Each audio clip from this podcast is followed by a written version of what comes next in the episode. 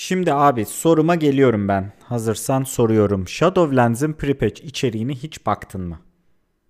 Abi benim abonelik birkaç gün önce bitti. Ee, yenilemedim de. Bu aralar iş güç birazcık yoğun olduğu için daha ona bakamadım. Bütün update'lerimi yaptım. Öyle prepatch etkinliği başladığında benim abonelik bitmişti. Şu an bekliyorum kenarda ki işte şu işler biraz azalsın. Ee, tahmin İstanbul'a dönünce ay sonuna doğru yani Shadowlands gelmesine birkaç gün kala belki tekrar bilgisayar başına otururum diye bir umut besliyorum ama hayırlısı tabii yani ya, çok da. Şimdi yalnız şeyi unutma prepatch'ler genelde e, paket çıkana kadar 1-2 gün öncesi diyorsun ucu ucuna gireceksin. Hani prepatch achievement'ları falan umurundaysa eğer şey olabilir. Ama ben şu ana kadar gördüğümü söyleyeyim. Ben şu anda daha daily'leri yapma seviyesindeyim. Ve çok çok hızlı gelişti abi ya. Hemen bana bir görev geldi. Orgrimmer'a gittim. Görevi aldım. Oradan Ice Crown'a geçtim. Ve yani çok yüzeysel olarak git 5 tane şundan topla git 8 tane şunu öldürücülükten öteyi bir şey yapamadım. Daha Tiranda'yla e, şeyin hani spoiler olmasın sadece Tiranda deyip geçeyim. Tiranda ile X kişisinin videosunu bile daha görmedim. Yani onu görmem için ne yapmam gerekli onu da bilmiyorum. Onu da söyleyeyim. Hani daha çünkü genelde bu tür şeyleri oturup da Wowhead'den falan bakmıyorum. Doğrudan böyle kendim keyifle oynamak istiyorum. Hani bana şimdilik biraz az geldi ama e, umuyorum devamı daha dolu olacaktır. Bir de şeyi söyleyeceğim. Eğer istersen bende 60 günlük bir key var. Dolar bu kadar sapıtmadan önce almıştım. Ben aldığımdan biridir 20 lira mı ne zamlandı. Vay arkadaş. Gerçi şu an düşmüş olabilir biraz. Malum dolar azaldı ya. Hani malum sebeplerden ötürü şimdi isimden bahsedip anmayalım. Aynen Başımız aynen. girmesin. Ama bu şey Ee, çok komik. Ben sana bunu söylemiştim zamanda hatırlıyorsan. Abi biz muhtemelen oynarız. Oynayacağımız için ben en iyisi bir tane daha alayım demiştim. Ondan Abi sonra evet ya. gidip gerçekten aldım yani ve kenarda duruyordur. Şimdi bir yandan da e, Adam seer çıktı Rıza Baba. abi ama yani bu şey bence çok klasik, çok 60 tünük. Sen şaman oynuyordun değil mi abi? E, tabii ki abi yani Adam adam adam adam şamanı ciddiye almış. Fa- hakikaten bir far seer ya. öyle Abi, abi. kesin kesin artar. Ben bir tane daha alayım. Aldı ve zamlandı. İnanamıyorum Abi şu an. söylüyorum. Ee, çık bir saniye. Ee, Berkincim yok bende ya üzgünüm. Bende yokmuş. Hani Taze bitti. taze bitti. 86. Abi 48 lira zamlanmış. Ben ağzımı bozmak ve Da- burada dalga geçmiyorum. 235 şeye lira girmek, 20. Ben e, 186.90'ı mı ne aldım? Restricted'a sokmak istemiyorum yayı podcast'ı. Çünkü burada öyle bir küfrederim ki hani restricted ne ki e, Yani. kapım kapımıza gelirler döverler. Arkadaşlar siz bir neslin ahlakını tek bir podcast'ta nasıl bozdunuz? Ayrıca o küfürler ne? Oha o akrabalık ilişkilerini bilmiyorduk. Sayenizde öğrendik Berkin Bey diye bana ekstra bir plakette verebilirler. Sana da bunları ilk Abi. elden deneyimleyip nasıl delirmedi hala İnanamıyorum fikrini nasıl yani. koruyor diye verirler. Ee, şu an şeyde abi ben hep el alışkanlığı durma play'de play'e bakıyorum. 201 lira 74 kuruş. Buna şey de eklenecek. Orada %18 aynı. KDV. Orada değişmemiş. Orada değişmemiş evet. Ama ben hani ondan daha ucuza almıştım. Şu Sen anda gerçekten e, game satıştan almıştım. Şu anda ya bu satış. da bu arada arkadaşlar kimse de bize sponsor falan olmuyor da sadece hani genel olarak fiyat araştırması yapıp en uygun neresiyse en imkanlı neresiyse oradan alıyoruz açıkçası biz de yani. Ya evet bu arada ben game satışı bilmiyordum. Ben durma play biliyordum. O da bak bu sponsorluk sonucu aslında benim e, Twitch yayıncısı arkadaşım işte Başar Coşkunoğlu e, Hearthstone oynar. Ona bir ara sponsorlu. Durma Play'de ondan öğrendim yani. Hani adamın Ha. sponsorluk oradan müşterisi oldum. Mesela işe yarıyor mu? Yarıyor. Hani Evet ya ilk bakarsan- kez böyle bir şeyi duydum senden. Demek ki sponsorluk işe yarıyor. Buradan firmalara sesleniyoruz arkadaşlar. Biz yani firmaların. Evet hani biz bize destek olurlarsa bakın daha çok insana bir şeyler söyleyebiliriz. Bu çünkü bir shareware örnekti sadece. İşte bize sponsor olursanız sizi böyle anlatabiliriz. Bundan sonra anlatmayacağız çünkü KKK. Değil mi? 235 lira abi şeyde şu an game satışta. Abi evet yani Buna KDV eklenecek mi tabii? Çünkü KDV eklenmiyor ama KDV. şey komisyon ekleniyor. Kredi kartıyla falan ödüyorsan, banka havalesiyle ödüyorsan bekliyorsun bir iki şeyde. Hani e, paranın yattığının kanıtı için. Hızlı oluyordur belki de ben geçen sefer hafta sonu mu ne almıştım ya da gece vakti almıştım. O yüzden hiç onunla uğraşmamıştım. Doğrudan dolayı kredi kartı. O zaman da 186-191'e falan gelmişti bende. Gibi bir durum olmuştu. Ama hani çok çok korkutucuymuş. Abi bence bence biz bunu kapatalım doğrudan doğruya e, başka konulara geçelim yani. Gerçekten bu çok canımızı acıtacak yoksa. Şimdi e, Berkin'cim iki tane konumuz var bugün. Bugün ben senin üstünden birazcık yükü alıyorum. E, ne yükünü alıyorum onu da söyleyeyim. Şimdi arkadaşlar Berkin Bozdoğan ölü. Öldü yani.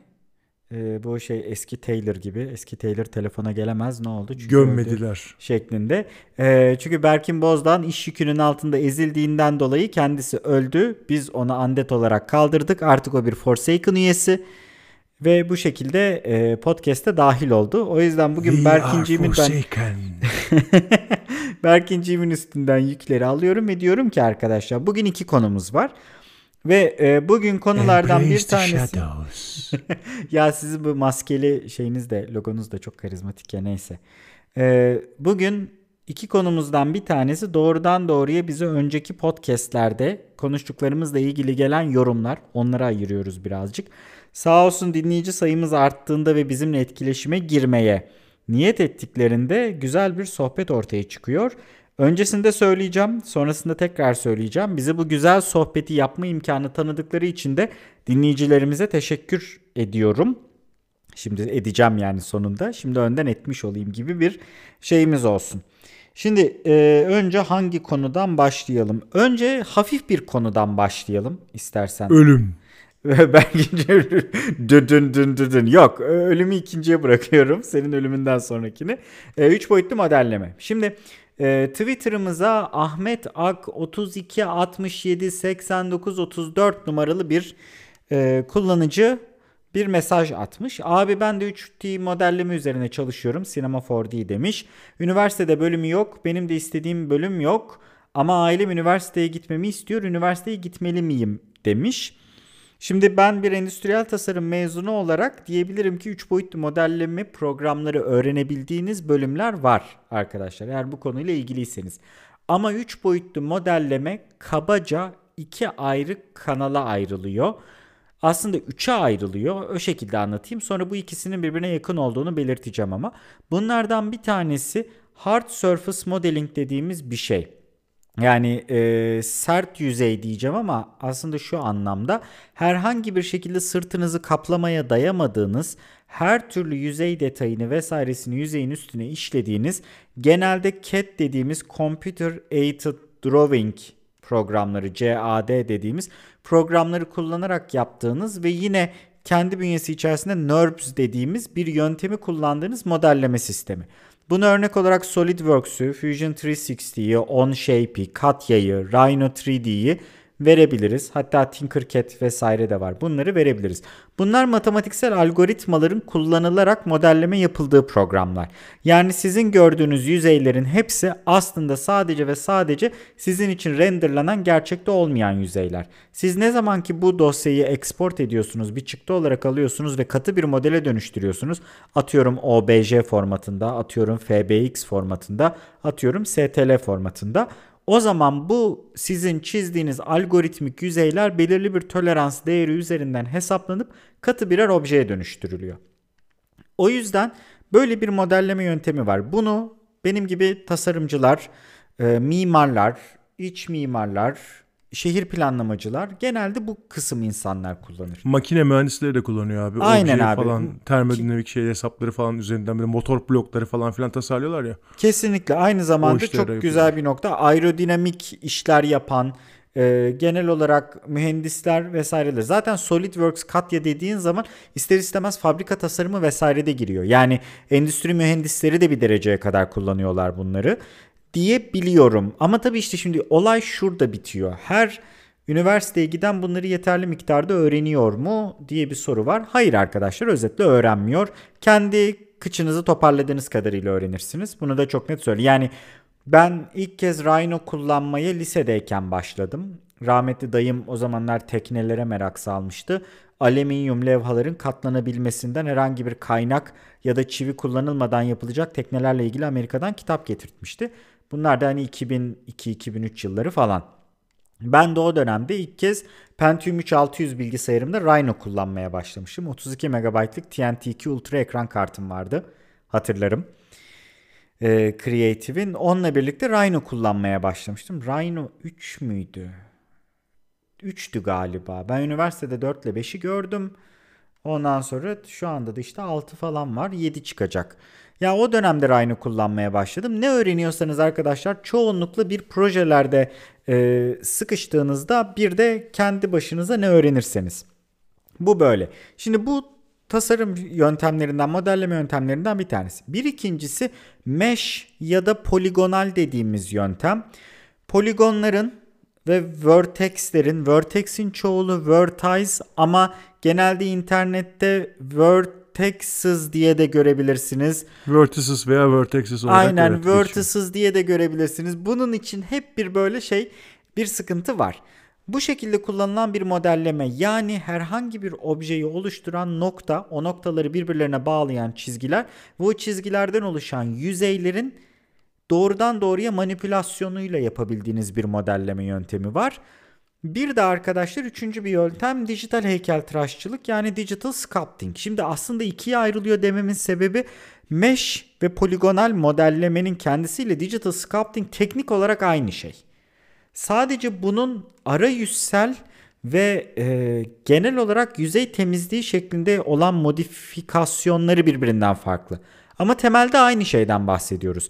O yüzden mesela Blender gibi bir programı açtığınız zaman Blender'da hem e, mesh modeling'i hem de aynı zamanda digital sculpting'i aynı model üstünde hiçbir sıkıntı çekmeden görebilirsiniz ve yapabilirsiniz.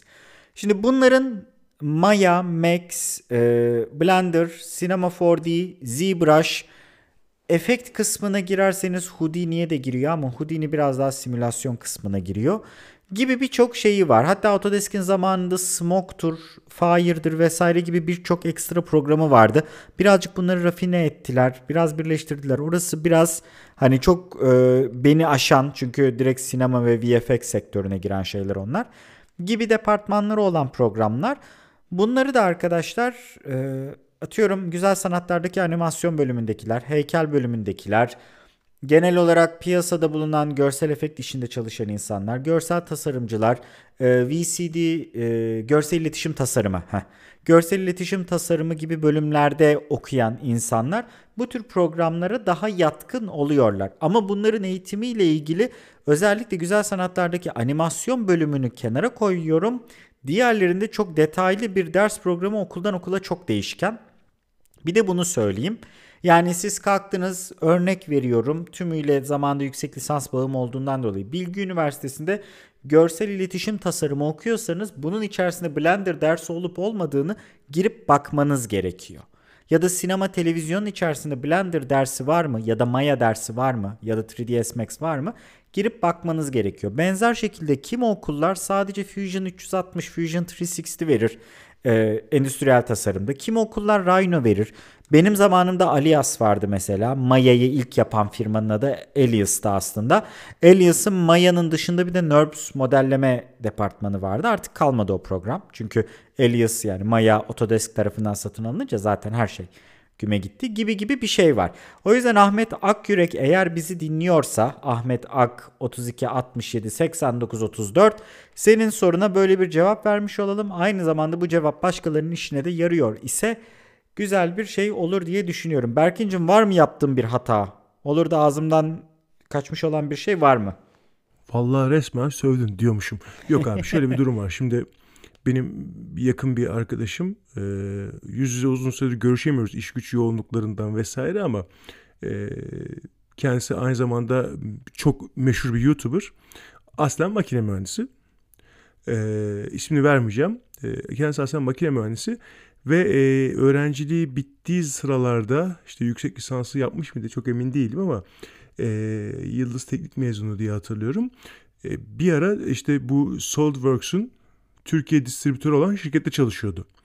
E, adam kendi kendine bunları öğrenmişti. Tabii ki eğitiminin bir kısmında bunlara ihtiyaç duyuyor belirli şeyleri modellemek için ama şimdi modellese ne olacak? Modellediği şey ya CNC tezgahında üretilecek ya da üretilmeyecek. Yani hocalar görecek üç boyutlu modeli görecekler veya onun işte pafta çıktısını falan görecekler en fazla. Çünkü 3D printing diye bir şey yok adamın mezun olduğu zamanlarda. Aynı dönemlerden ee, ben de geçtiğim için biliyorum biz de hiçbir zaman 3D printer görmedik okul ya da eğitim sürecimizde ben yurt dışı fuarında görmüştüm Aynen sadece. abi yani. yani zaten hani bu işte Rhino'ların işte 3D Studio Max'lerin falan filan zar zor çalıştığı bilgisayarlar var. İşte bunlar Autodesk falan gibi şirketlerin şey yaptığı zamanlar. Ee, özel bu iş için ayrılmış özel konsollar bilgisayardan çok daha farklı konsollarda video editlediğin canlı yayınlar yaptığın şeylerden bahsediyoruz. Bugün böyle hani birkaç bin dolarlık bir bilgisayarla bir televizyonun canlı yayın ihtiyacını karşılayabiliyorsun halbuki geldiğimiz nokta bu. Kesinlikle. E, o zaman o zaman öyle bir işlem gücü falan yok tabii her şey ağır render'a basıyorsun gidiyorsun işte e, pazar alışverişi market alışverişi yapıp geri dönüyorsun. işte ondan sonra kahve koymaya gidiyorsun. Sonra diyorsun ki ulan bu render'ı exportu vesaire alana kadar ben Kolombiya'dan falan kahveyi toplayıp gelebiliyorum abi falan hani seviyesinde olduğu için bilgisayar yavaşlıkları falan o dönemlerden bahsediyorum. Kendisi bu konularda baya baya kendi geliştirmişti. O şirkette de çalıştı. Hani ya o şirkette çalışmasıyla şeyin bir alakası var mı hakikaten bu programları çok iyi şekilde kullanabiliyor olmasının bir şeysi var mı bilmiyorum. Sonra ondan sonra benzer bir yazılımın Türkiye distribütörlüğünü yaptı. Sonra o işlerde bitince başka işlere geçti diye. Sonuçta hala yazılım danışmanlık şirketi adamın yani. Hani, e, aklıma onlar geliyor. Yani nereden nereye geldi bu işler? Burada en büyük sorun tabii ki üniversitenin size sağlayacağı imkanlar arkadaşlar. Bunlar lisanslı yazılımlar. E, bu lisanslı yazılımlara erişim o zaman o kadar kolay olmayabiliyor ama işte okulunuzun anlaşması varsa bunları size veriyorsa Blender falan gibi açık kaynak özgür yazılım şeyleri kenara bırakıyorum. Ama bugün bir Autodesk'in bir yazılımını kullanmak arkadaşlar ciddi maliyet. Donanımsal maliyeti de var bu işin evinize ya dizüstü bilgisayarınıza yazık. Elinizdeki bilgisayara yazık. Ee, okulda bunu kullanabileceğiniz yerlerin olması gerekiyor. Bunu size öğretebilecek birileri olmasına gerek yok. Çünkü internette her şey var arkadaşlar. Yani hani Evet ama İngilizce diyecekler için zaten önce İngilizce öğrenin. Bu işin besmelesi İngilizce öğrenmek. Kusura bakmayın. Yani Türkiye istediğiniz kadar çok iyi kaynak olsun. Çok iyi hocalar görün. Arkadaşlar bir gün o hocayı e, gece yarısı siz proje yaparken arayamadığınızı fark edeceksiniz ve ama İngilizce dediğiniz şeye mecbur kalacaksınız. Hatta daha kötü bir şey söyleyeyim. Bir Hintli tarafından konuşulan İngilizceye e, mecbur kalacaksınız. e, iş çok fena patlayacak orada. Yani hani Canınız yazık. O yüzden öğrenin e, ve Hintlilere sabredin. Çünkü onlar size her şeyi öğretecek birer kutup yıldızı falan diyormuş. Yani ama öyle yani maalesef arkadaşlar. Hintlilerin bu konudaki şeysi inanılmaz. Adamlar anlatıyor yani. Bizde şey vardır ya mükemmel konuşacağız abi illa diye hani Cem Yılmaz'ın da şeylerine konu olur. Adam şantı kullandı ya. Sen en son hangi derste gördün şant? Aynen şant. evet hatırlıyorum. Ya evet teknik olarak doğru. Ben bir tane e, ecnebinin bunu kullandığını duymadım bu yaşıma kadar. bir de işte Cem Yılmaz'ı duydum yani falan filan. Abi adam olsun kötü de olsa konuşuyor anlatıyor bir şekilde. Sen de öğreniyorsun bir şekilde onu fark ediyorsun. Çalışıyor yani mekanizma. Abi bence bu, bu kısım çok önemli. Dediğim gibi bunda erişiminizin olması çok önemli. Şimdi genç mühendis adayları abi bunda işte bilmem ne yapacağım, onu yapacağım, bunu yapacağım. Üzerine iki tane lol atacağım diye e, 75 bin kiloluk dizüstü bilgisayarlar gidip alıyorlar. Evet ya o gerçekten Aklı, çok büyük bir sıkıntı. Hani neden yapıyorsun abi onu? Çünkü abi düzgün tasarımlısı aşırı pahalı. Şimdi e, malum yerli milli markaları mı gidip al- alabilecek bu insanlar?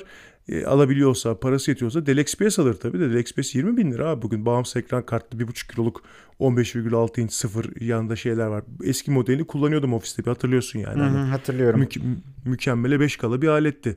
O kasa hala devam ediyor yenilendi. Abi 20 bin lira Adam gidiyor diyor ki abi 12-13 bin liraya alayım ben bunu. O 7 bin lirayı veremiyorum. E biliyorum. Bu, makul. Bunu ta seninle şeyde konuşmuştuk iPad Pro'yu aldığım dönemde ben aynı tasarım zevkine, aynı inceliğe, aynı vesaireye sahip bir bilgisayarı iki buçuk kat para veriyordum diye hatırlıyorsan ilk evet, podcastlerden abi. bir tanesindeydi o. Çünkü gerçekten yani onun performans olarak denge ancak gidip işte Çin'de üretilen ama üstüne canavar diye bir ismin yapıştırılıp Türkiye'ye sanki yerel malmış gibi kaktırıldığı bir e, malla şey yapmak zorunda Abi canavarı var, hayaleti var, bilmem nesi var. Yani var oğlu var. Tabii tabii Şimdi, aynı mantık. E, yani abi olmuyor işte abi yani. Sonuçta bir şeyde birisinde bir şey eksik. E, sonuçta her, bu iş bütçe işi yani hani. Demek ki böyle bir eksik var bu markalarda. Sağ olsunlar bu eksiği kapatıyorlar. Eleştirmiyorum. Kesinlikle Çünkü, katılıyorum. Abi, parası ona yetecek insan var abi. Ben ben abi bugün gidip işte e, bilmem ne markanın en son modelini kullanamıyorum abi çünkü yani birincisi param yetmiyor, ikincisi ihtiyacım yok. Ee, ama dizüstü bilgisayarda daha incesini, aynı performansını işte bir, bir tık daha yavaş çalışsın ama daha taşınabilir olsun istemez misin? Abi herkes ister. Şimdi bunu istemiyorum. Abi benimki dana gibi olsun. İçinde de 5 tane bilmem ne olsun. Abi ya defolun gidin arkadaşlar yani çok affedersiniz. Herkes onu taşıyabilmek için oluyor. Öğrencisiniz yani hani. Ama yapacak bir şey yok. Ekonomik durumunuz çok önemli. O yüzden yanınızda o kütükleri taşıyacağınıza gideceğiniz okul size bu imkanı sağlıyor mu? Beliniz sakatlanacak mı? Arkadaşlar bir okuldan çıkıp arkadaşlarınızla takılmaya gittiğiniz zaman yanınızda 2,5 kilo tuğla taşımak istemeyeceksiniz ki bu iyimser şeysi yani. Bir de bunun güç tuğlası var. Power brick dediğimiz olayı var yani. Hı hı. 3 kilo 4 kilo şey taşıyacaksınız arkadaşlar. Yazık. Yurtta kalmayacaksınız. Arka, evi evde kalacaksınız arkadaşlarınızla. Ama o arkadaşlarınızla kaldığınız ev tuttuğunuz ev büyük ihtimalle okulunla aynı yerde olmayacak. Çok şanslı insanlar özel okulları burslu kazanıp onların yurtlarından da fa ücretsiz faydalanabiliyorlar. Bu çok ufacık bir azınlık abi. Siz isterseniz masaüstü bilgisayar gidin koyun yani. Hani. Kimse dert etmez onu zaten ama günün sonunda bu erişime e, sahip olabilecek insan sayısı belli. Benim diyeceğim bu abi okulunuzun verdiği imkanları size ne öğreteceklerini kılı kırk yer araştırın en azından okul bir işe yarasın. Diploma bugün tek başına bir işe yaramıyor. Kusura bakmayın yani hani e, kendinizi geliştirin derken de ortaya e, güncel tabirle boş yapmak istemiyorum. Tabii ki kendinizi geliştireceksiniz eşek değilsiniz diye varsayıyorum. Ama yani bu gelişimin doğrudan mesleğe tekabül etmesi bir hülyadan ibaret arkadaşlar. Bakın bizden iki kuşak önce okuma yazma bilenler devlet memuru oluyordu. Liseyi, isimli lise bitirenler bu ülkede başbakanlık yaptı. Ama e, Cumhurbaşkanı olmadı ayrı konu. E, Bülent Ecevit'ten bahsediyorum rahmetli. Hı hı. Ama, Ama bu arada yani Bülent Ecevit'in de ne kadar akıcı bir şekilde İngilizce konuşabildiğini vesaireyi de yine hatırlatmak isterim. Kendisini çok çok sevdiğim söylenemez ama yine de şeyini... Robert e, College mezunu abi sonuçta normal. Tabii. O zaman bugünkü bilmem ne üniversitesinden daha bile bir eğitim almış olabilir. Bilgi görgü almıştır belli. Zaten gazeteci vesaire yani. Hani e, o zamanlar için yetenek gerektiren, önemli şeyler gerektiren e, bir, meslekler bunlar. Şimdiki gibi işte 3-5 tane bir şey yaladığınız zaman size bir köşe veriyorlar ve orada hayatınızı devam edip uçaklara bir şeylere davet edilmiyorsunuz yani. yani. Neyse e, o, o zamanlar değerli şeylermiş bunlar. Her şey ülkede ve genel olarak dünyada ayağa düşürüldü itinayla. Günün sonunda abi e, okulun imkanları çok iyi araştırın ve e, İngilizcenize güvenin. O, o, o size her şeyi öğretecek. E, bakın Google açıklama yaptı. Ben böyledir değildir. Ben akademik eğitim çok müthiş şeyler almış bir insan değilim. O yüzden e, bunu işte e, kedi ciğer olarak düşünmeyin. Ben o zamanları geçtim arkadaşlar. Ben 17 yıldır iş hayatındayım. Artık kimse hangi okuldan mezun olduğunuzda 17 yıl sonra bakmıyor. Ha şimdi bazı okullar var tabii diplomasını alıyorlar asla mezun olamıyorlar. Çünkü üzerine tek yakışan etiket o falan filan. Abi yok öyle değil ya ben hani bir şekilde o şeyleri geçil çok oldu yani hani. O yüzden benim için çok umurumda değil. Onu bilen birisi olarak söylüyorum. Arkadaşlar, ee, aa diyeceğim şeyi unutuyorum artık. İyice iyice yaşlandı. İş iyice iyice yaşlandık abi nihayetinde şeye gelecek muhtemelen söyleyeceğim. Şimdi ben dedim ya bugün üstünden yük alıyorum senin diye. Arkadaşlar mezun olduğunuz okulun verdiği kağıda da bakmayın. Mezun olduğunuz okulun verdiği ders kısıtla şey kısaltmalarına yanlarındaki numaralara güvenerek bir şey yapmayın. Gerçekten piyasaya çıktığınızda çoğunlukla sizden daha iyi ya da sizinle eşdeğer eğitim almış olan insanlar zaten olacak. Sizi rekabette farklı yapabilecek olan şey gerçekten bu süreç içerisinde hem işinizi destekleyecek hem de işiniz dışında ufkunuzu açacak hangi konularda kendinize yatırım yaptığınız mı? Abi diyeceğim şeyi hatırladım bu arada. Tüh. Tabii iş buna iş, iş yok iş buna geliyor. Ee, bakın arkadaşlar Google geçenlerde spekülasyonlarla bezenmiş bir açıklama yaptı. Üzerine saatlerce yıllarca konuşabiliriz. Ee, arkadaşlar herkes kendi yaptığı şeyin değer görmesini, kendi sahip olduğu şeyin değer görmesini, daha değerli kalmasını, değerini korumasını ister. Bu konuda hemfikirim. Ama dediğim gibi ben birçoğunuzdan büyüğümdür. Yaş olarak kırkıma doğru koşuyorum yani hani. Ee, yani o kadar o dediğim gibi hayatımın yarısında çalıştım hani.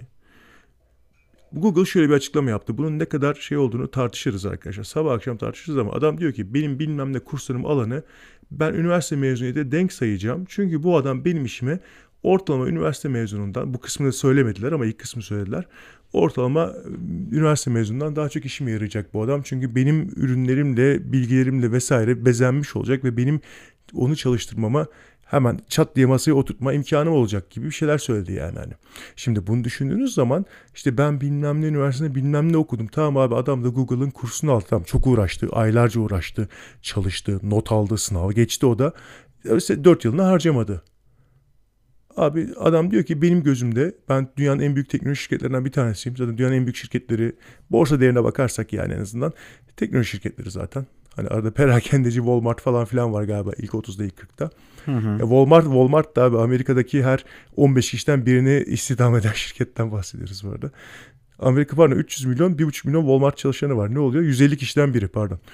Düşünsene yolda yürüdüğün her 150 kişiden birisi aynı şirkete çalışıyor. Ya çok yüksek bir oran canım gerçekten yani. Ya böyle yani bizdeki şey Migros'un çok büyüğü düşün Amerika kadar büyüğü. Abi günün sonunda adamlar böyle bir şey dedi. Bunun üzerine çok tartışırız. Ben işte bilmem neden mezunum. Ben şunu bitirdim. Ben bunu. Abi çok güzel de işte bakın işte iş piyasası başka bir şey. Bir, bir değeriniz tamamen hangi, nerede hangi boşluğu doldurduğunuza göre şekilleniyor. Aldığınız maaş buna göre şekilleniyor. Bakın e, birilerinin bir tarafını yalamak da bir boşluk doldurma işidir. Onlara da kızmayın. Onlar da onu becerebiliyor. Ha siz kendinize yakıştıramazsınız. Bu sizin insanlığınızdan gelir ayrı konu. Ama o da bir boşluk doldurmadır. ya da doluyu boşaltma mı? Ay neyse çok iğrençleşiyorum. evet evet o biraz iyice şey oldu ama yok ee, yani. Ger- anladınız gerçekten... yani. Şey yani hani gün sonunda mesajı aldınız.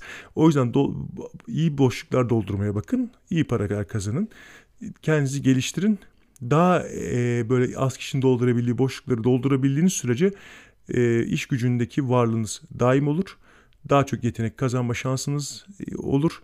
Daha iyi paralar kazanırsınız iş paraysa. Daha iyi iş tatminleri elde edersiniz eğer mesela iş tatmini ise.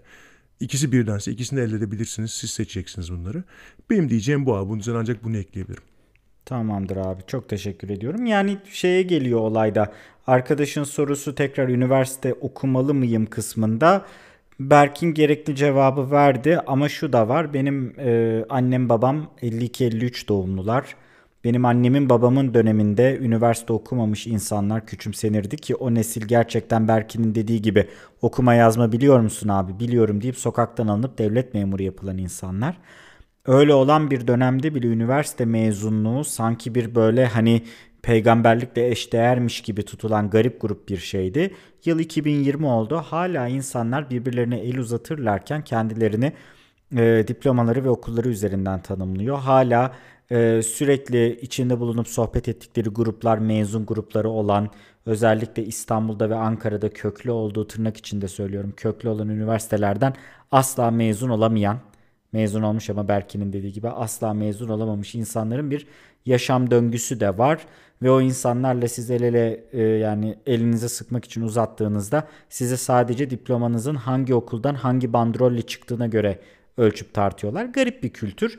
O yüzden insanlar hala üniversite okuyorlar ama 4 yılınızı neye harcadığınız önemli. Hızlıca bir de bir şey söyleyeyim. Benim kendi reklamı yapmak gibi olacak ama YouTube kanalında bir videom var. Ne zaman yüklemişim ben bunu? 2018 Ağustos'ta yüklemişim. 41.300 izlenmeye ulaşmış olan endüstriyel tasarım nedir diye bir videom var. Orada da genelde insanlara şeyi söylemiştim. Üniversite okuyacaksanız da arkadaşlar girip ders programlarına bakın. Her bölümün ders programı var. Ders içeriklerini yazıyorlar. Zaten buna zahmet etmeyip doğru düzgün yazmıyorlarsa okuldan cacık olmayacak demektir. O yüzden oralara da bakabilir. Yine ders içeriklerini görebilirsiniz diyorum. O zaman bir sonraki e, yine takipçi şeyimize geçiyorum Berkin'cim uygun isen. Hey. Yuhu. Şimdi bu sefer e, TQX adlı yine benim bireysel olarak da tanıyor olduğum e, bir yine takipçimizden. Bu şimdi şöyle bir şey var arkadaşlar. Bizi Twitter'dan Instagram'dan ulaşabilirsiniz. İkisinde de çokgen teker olarak varız biz. Ama aynı zamanda resmi olmamakla birlikte ben kendi Discord kanalımda çok çok uzun yazmak, link atmak vesaire yapmak isteyenler için bir tane de çokgen teker podcast diye bir yazı kanalı koydum.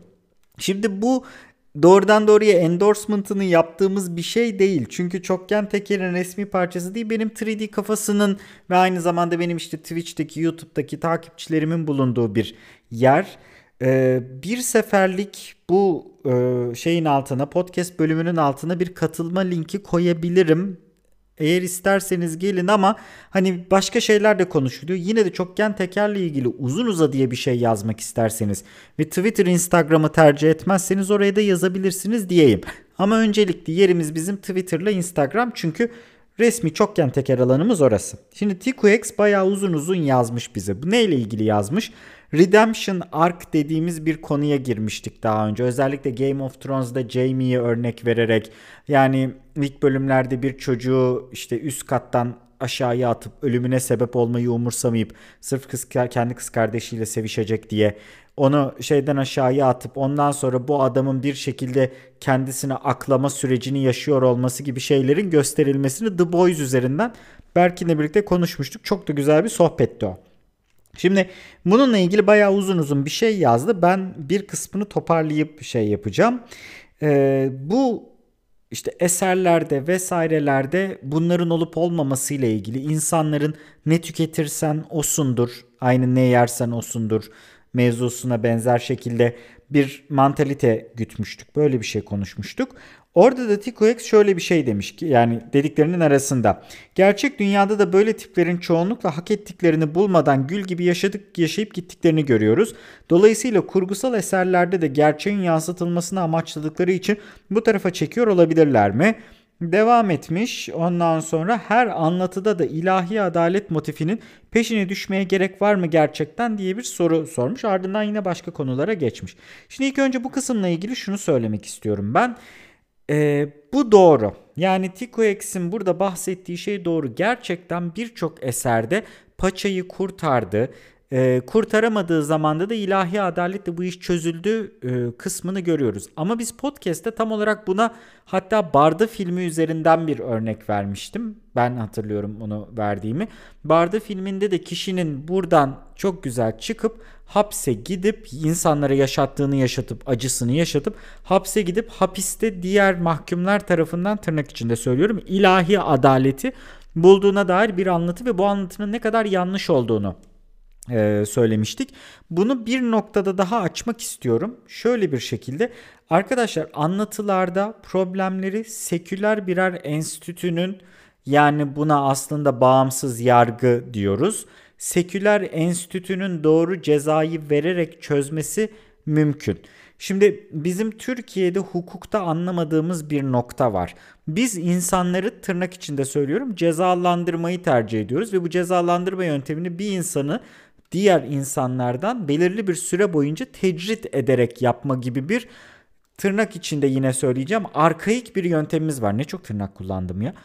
Ama normalde hani batı medeniyeti dediğimiz tarafa baktığınızda insanların rehabilitasyonu dediğimiz bir şey söz konusu.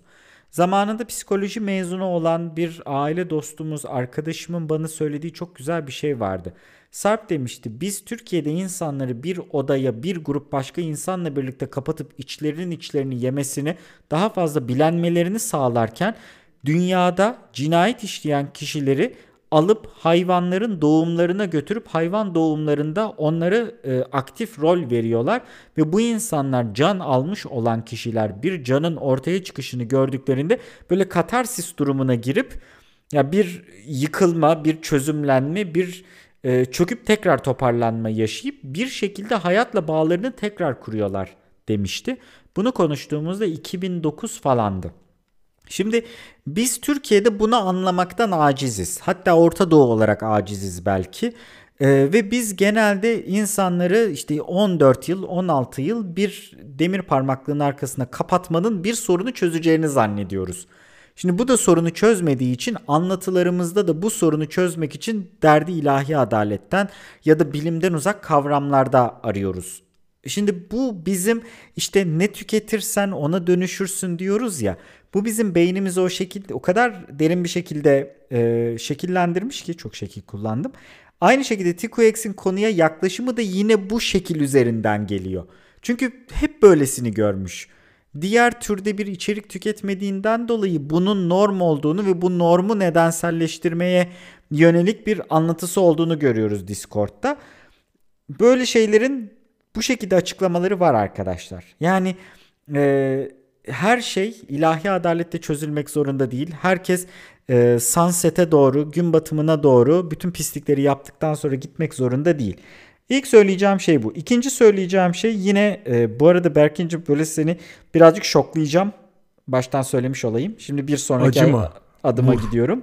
Acıma vur bana ama bunu çok böyle ses tonuyla söylüyorum. Yok o ses tonuna girme zaten. Aynen, girmiyorum. Gerek yok. Şimdi bir de bunun üstüne çok güzel bir konuya parmak bastı. Ee, peki dedi doğru olması gereken şeyleri biz televizyon ekranında ya da dizi ekranında ya da sinema ekranında ya da kitaplarda yanlış görürsek ne olur? Ee, Dissociative Identity Disorder dediğimiz bir şey var. DID. Daha çok bunu şöyle örnekleyebiliriz. Kabaca çok kişilik sendromu. Yani kişinin bir vücudunda beyni aynı anda 4-5 kişinin ya da işte 12 kişinin, 18 kişinin, 200 kişinin e, kişiliklerini barındırıyor. Böyle çeşitli zihinsel hastalıklar var. Şimdi şunun ayrımını yapmak lazım herhangi bir kurgu eserde. Yine o günkü Redemption Arc tartışmasında Jordan Peterson'ın cümlesini kurarken hani e, ne zaman şüpheye düşersen Nazileri ortaya koy diye bir argüman vardır ya abi. Hani onu yapmak istemiyorum ama gerçekten adamın verdiği pure evil, gerçek kötülük örneğinde Nazi güzel bir örnek. Nazilerin kazandığını resmetmemelisiniz diyor. Ve yani bu doğru bir e, bakış açısı. Çünkü gerçekten herhangi bir kimyasal problemle, herhangi bir hastalıkla sadece ahlaki çarpıklığı birbiriyle karıştırmamak lazım. Önce bir bunu söylemek istiyorum. Şimdi bu neye örnek verilir? Yıl 1962. Ee, Nuremberg e, davası sürecinde davaları daha doğrusu. Şimdi arkadaşlar 1945'te 2. Dünya Savaşı bitiyor. Gerçi bu konunun uzmanı mikrofonun öbür tarafında ama e, 1945'te savaş bitiyor. Ben savaş kültürünü çok seven, çok takip eden bir insan değilim. Ama bu savaşın suçlularının cezaları öyle 3 sene 5 sene içerisinde toparlanmıyor. Bir kere kaçan çok büyük bir kısmı var. Yakalanamayan çok büyük bir kısmı var. Ee, ve yakalananların da davaları gerçekten çok çok uzun sürüyor. Ve 1962 yılında Adolf Eichmann'ın doğru telaffuz ediyor muyum soyadını bilmiyorum. Ee, bir tarihe geçmiş olan savunması var. Eichmann savunması diye geçer. Savunmasını biz sadece emirleri yerine getiriyorduk şeklinde sorumluluğu kendi üstlerine atacak bir tarzda uygulamaya geçiyor. Şimdi bir karakter düşünün. Bu karakter empatiden yoksun. Empatiden yoksun olması işte sosyopat, psikopat bunların farklı farklı kategorileri var. Tanımlara girmiyorum. Empatiden yoksun olan bir canlı düşünün ve bu canlıyı bir filmde izliyoruz biz. Empatiden yoksun olduğunu biz izleyici olarak biliyoruz ama film boyunca kimse bu kişiye bir teşhiste bulunmuyor. Teşhiste bulunmadığı için bununla ilgili bir tedavi de yok. Bu kişi çeşitli insanların hayatlarına zarar veriyor. Çeşitli insanların hayatlarını söndürüyor belki ve filmin sonunda bu insan biz bu kişinin empati yoksunu olduğunu biliyoruz.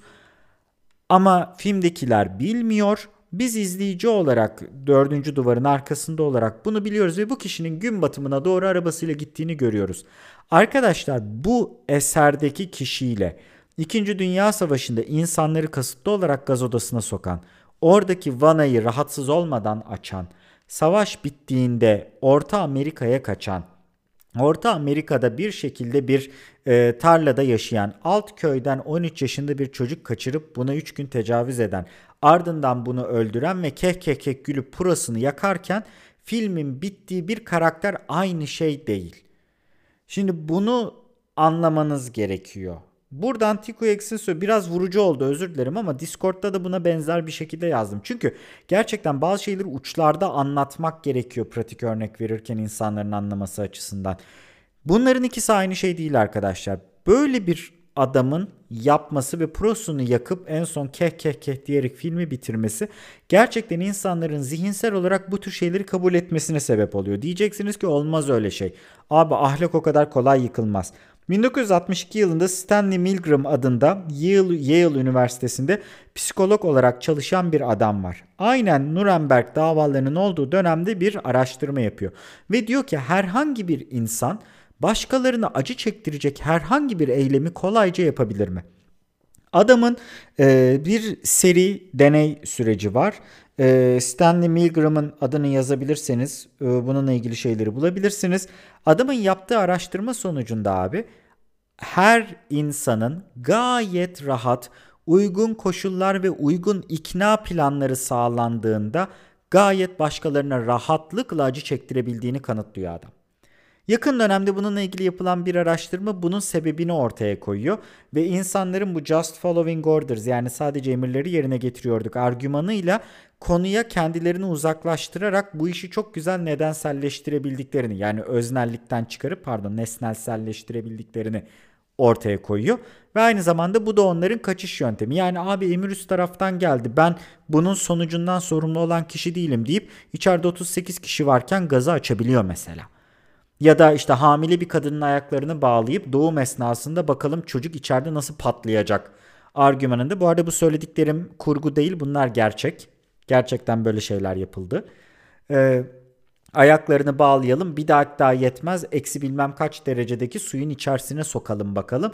O esnada doğum yapmaya çalışırken içeride bebek nasıl boğuluyor kadın nasıl boğuluyor hadi görelim keh keh keh diyebilen kişiler. Ve e, bunun hani araya bir nesnelselleştirme duvarı örerek yapılabildiğini söylüyor.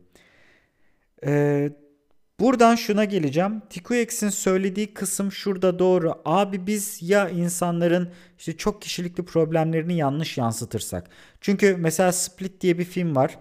Ee, dur adamın adını söyleyeceğim. Sürekli ben o adamın soyadını karıştırıyorum. M. Night Shyamalan var ya. E, Shyamalan. Ha özür dilerim. Onun filmlerinde Split ve Glass vardı hatta. Oradaki karakterde olduğu gibi. Çok fazla genelde çok fazla kişilik bölünmesi yaşayan insanlarda şiddete yoğunlaşmış karakter olmazmış. Çok nadir olan bir şeymiş bu. Ee, ama filmde mesela ana konu bunun üstünden gidiyor. Ve biz bu çok kişilikli hastalığa sahip olan insanlarda bunun bir standart olduğunu düşünmeye başlıyoruz filmi izleyerek.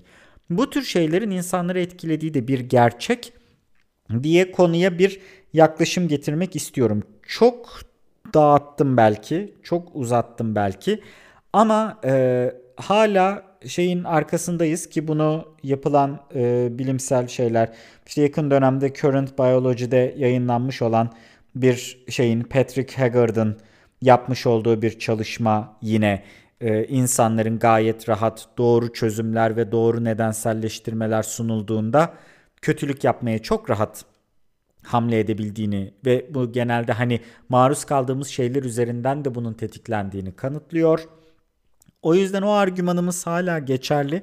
Orada bir sıkıntı yok.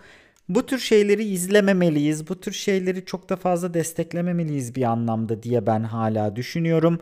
Arkadaşlar bırakın pislik insan pisliğinde kalsın ve mümkünse eserlerimizde de seküler bir enstitü tarafından gerekli sonuçla bağdaştırılsın. Her zaman ilahi adaletle çözülmek zorunda değil bunlar. İlahi adalet iyi bir çözüm de değil zaten. İlahi adalet diye bir şey birincisi yok, ikincisi çözüm değil. Olmadığı için çözüm evet, değil. Yani. İşe yaramadığı için değil. Ya bir yerde bir şeye denk gelir. Aa işte Allah'ından buldu, inandığı süper güçten buldu veya benim inandığım süper güçten buldu he, he falan. Ya da işte bir gün bulacaktır zaten. Kesin onun kötülüğünü bilen birisi gidip onun böbreğini sıkacaktır argümanı ya da. Abi işte maalesef biz buna bir isim veriyoruz. Bunun adı vicdan mastürbasyonu. Yok öyle evet. bir şey. Burada yapılan işin hesabı burada sorulmadığı sürece adalet tesis edilmemiştir. Aynen öyle. Yani e, birazcık zor bir konu arkadaşlar bu ama Tikuex'e buradan tekrar teşekkür ediyorum. İnanılmaz tatlı bir insandır bu arada kendisi. Hatta benim e, bu iş yerindeki 3D kafasındaki ilk stajyerimdi. E, makine mühendisliği okuyor o da. E, ve makine mühendisi olarak ilk stajyerimdi. Ee, şey çok güzel bir sohbet çevirdik. Benim yazdığım cevaplar genelde burada söylediklerimden çok farklı değil ama yazı dilinde çok sert hissettiriyor ama kendisiyle zaten olan ilişkimizden dolayı hani alınmayacağını, gücenmeyeceğini bildiğim için paldır küldür sıkı sıkıya yazmıştım. Ee, böyle zor bir konuyu, böyle kapsamlı bir sohbeti her ne kadar asenkron olarak bile olsa yapabildiğimiz için ben çok mutluyum. Yani kendisine de bununla ilgili ekstra bir teşekkür ediyorum yani. Bu konu başlığında Berkin'cim sana bir pası atıyorum. Ben biraz fazla e, cılkını çıkarmış olmakla birlikte senin eklemek istediğin bir şey var mıdır? Ya önemli kısım zaten söylendi orada abi. Şöyle söyleyeyim e, bu biz yalnızca emirleri izi takip ediyordum, emirleri uyguluyordum savunması bugün hala bize çok uzak olmayan hatta birebir içinde yaşadığımız bir gerçeklikte var oldu. Ee, şimdi insanlar anarşiklikle onu da bunu da suçlayacaklar da arkadaşlar Gezi olaylarındaki polis şiddeti. Hani evet basın bunu müdahale ediyor. Olan olay gözümün önünde ve olayın doğası saldırı şimdi yani biz evet e, eski bir muhabir olarak bilişim alanında çalışmak haricinde sonuçta haber nasıl yapılır az, çok, az, az buçuk bilen bir insan olarak söylüyorum. Biz belirli kavramları haber dilinde maalesef e, bu işin bir anlamda iletişimi daha böyle hani dikensiz hale getirmek için bazı sözcüklerin etrafını yontuyoruz arkadaşlar. Sadece ben görevimi yakı yapıyorum deyip yani bu memlekette insanları gözünden başından oldu arkadaşlar. Yani canından oldu. Sebebi neydi? Sebebi çünkü gaz kapsülü surata vuruldu. Ben sadece emirleri takip ediyordum. O zaman arkadaşım üzerinde de nasıl atılması gerektiğini gaz kapsülün onu da okusaydın keşke. O emir de takip etseydin falan filan. Daha kötü bir şey var. Şimdi biz işte Milgram deneyimde deneyinde işin bir de şu kısmı var. Bizim e, mükemmel bir deyimimiz var. Ben Türkçeyi çok deyimler açısından çok zengin bulurum. Ee, benim bulmamla ilgisi yok öyle olduğu için olabilir. Durumdan bu yani tabii. Ben sonuçta bu işin şeysi değilim abi yani kompedan değilim, filolog, filolog değilim. Ama günün sonunda Türkçenin deyimlerini başka bildiğim sonuçta bir de İngilizce var ama kıyasladığım zaman e, bazı şeyler o kadar güzel anlatıyor ki mesela durumdan vazife çıkartmak diye bir deyim var. Abi yani şimdi bakın sevimsiz şeylerden bahsedeceğim durumdan vazife çıkartmak da bu miligram deneyimin deneyinin devamında olan şeyler. Eline işte zırh dediğimiz e, kıyma yapmakta kullanılan araç. Zırh şey değil arkadaşlar. Üzeri giyilen zırh diye bir şey var ayrı konu. Bir de e, işte talimhane tarafında manyağın teki elinde kesici alet olan zırhla çıkıp insan gösterici kovaladı. Yani hani şimdi e, daha sonra Ali İsmail Korkmaz'ı Eskişehir'de yani sokağın ben, ben, ben o sokakta, döve döve öldürdüler. Ben o sokaktan geçtim bu arada zamanında. Yani ben o sokağın neresi olduğunu biliyorum. Eyvallah. Yani ben 5 hani... sene Eskişehir'de okuduğum için biliyorum ve insanın midesini kaldıran bir gerçek yani bu. Evet yani bu durumdan üzerine bir de durumdan vazife çıkaran e, böyle garip grup insanlar var arkadaşlar. Mesela yani hani şimdi iş buraya kadar da gidiyor. O yüzden siz işte ilahi adaletle ben mastürbasyon yapacağım. İşte cezasını ben vereceğim. Onu yapacağım, bunu yapacağım dediğiniz zaman Burası zaten Orta Doğu olur. Zaten bakınız Orta Doğu'da yaşıyoruz yani hani. Zaten daha farklı bir sonuç beklenmez. Olmaz da yani beklersiniz de avucunuzu yalarsınız yani hani e, çünkü şey vardır abi hani e, bu örneği veriyorum mesela işte ne vardı verilen istenen çözüm ya verilen belli istenen belli e, çözüm yanlış ama yani hani çözüm seni evet bir şekilde sen çözüme ulaşıyorsun ama şey gibi bu hani böyle formüller alakası şeyleri üzerine siler siler şey yaparlar ya böyle hani matematikçi bu sırada Einstein deliriyordur onu Hawking ve bilmem kim tutuyordur yerine oturtuyordur sakin ol sakin ol diye.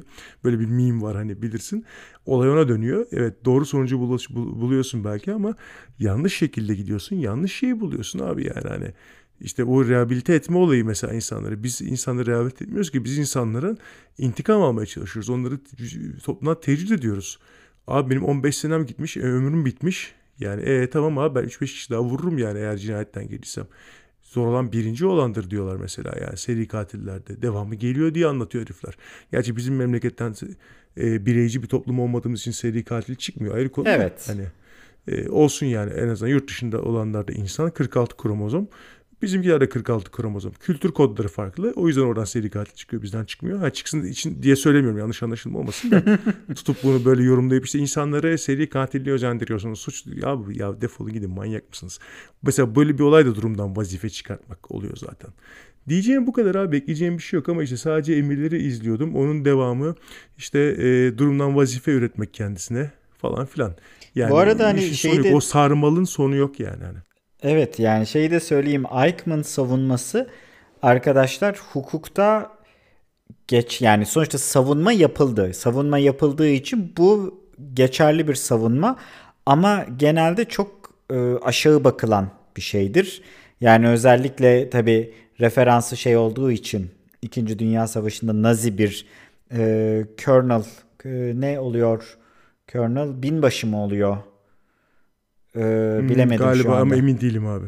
Aynen ben de belki de albaydır. Ee, yani hani rütbesi çok çok da düşük olmayan birisi ee, ve yani öyle bir kişinin bu savunmayı yapmış olmasıyla özdeşleştirilen ama Türkiye'de hala çok kullanılan bir şey dediğin gibi. Yani e, bu arada şunun da altını çizmek istiyorum. bence bunu söylemek çok komik ama bu hani ütünün kenarında lütfen ütü sıcakken dilinize bastırmayın yazmak gibi bir şey. O ne kadar saçmaysa şimdi söyleyeceğim şey de bana o kadar saçma gelecek. Arkadaşlar biz uzman değiliz. Şu anda bahsettiğimiz bu konuda uzman değiliz. Çokgen teker uzmanlığın insanlarla paylaşıldığı bir çalışma da değil. Ee, o yüzden hani abi uzman olmadığınız konuları niye tartışıyorsunuz diye bir argüman gelecekse bence çok yanlış yerdesiniz. Bizim yapmaya çalıştığımız şey biz Berkin'le sohbet etmeyi, bir şeyler okumayı, birimizden biri WhatsApp grubunda garip bir şey yazdığı zaman onun tetiklediği konuya bir iki saat gömülüp abi senin dediğinle ilgili şunları şunları çıkardım ben.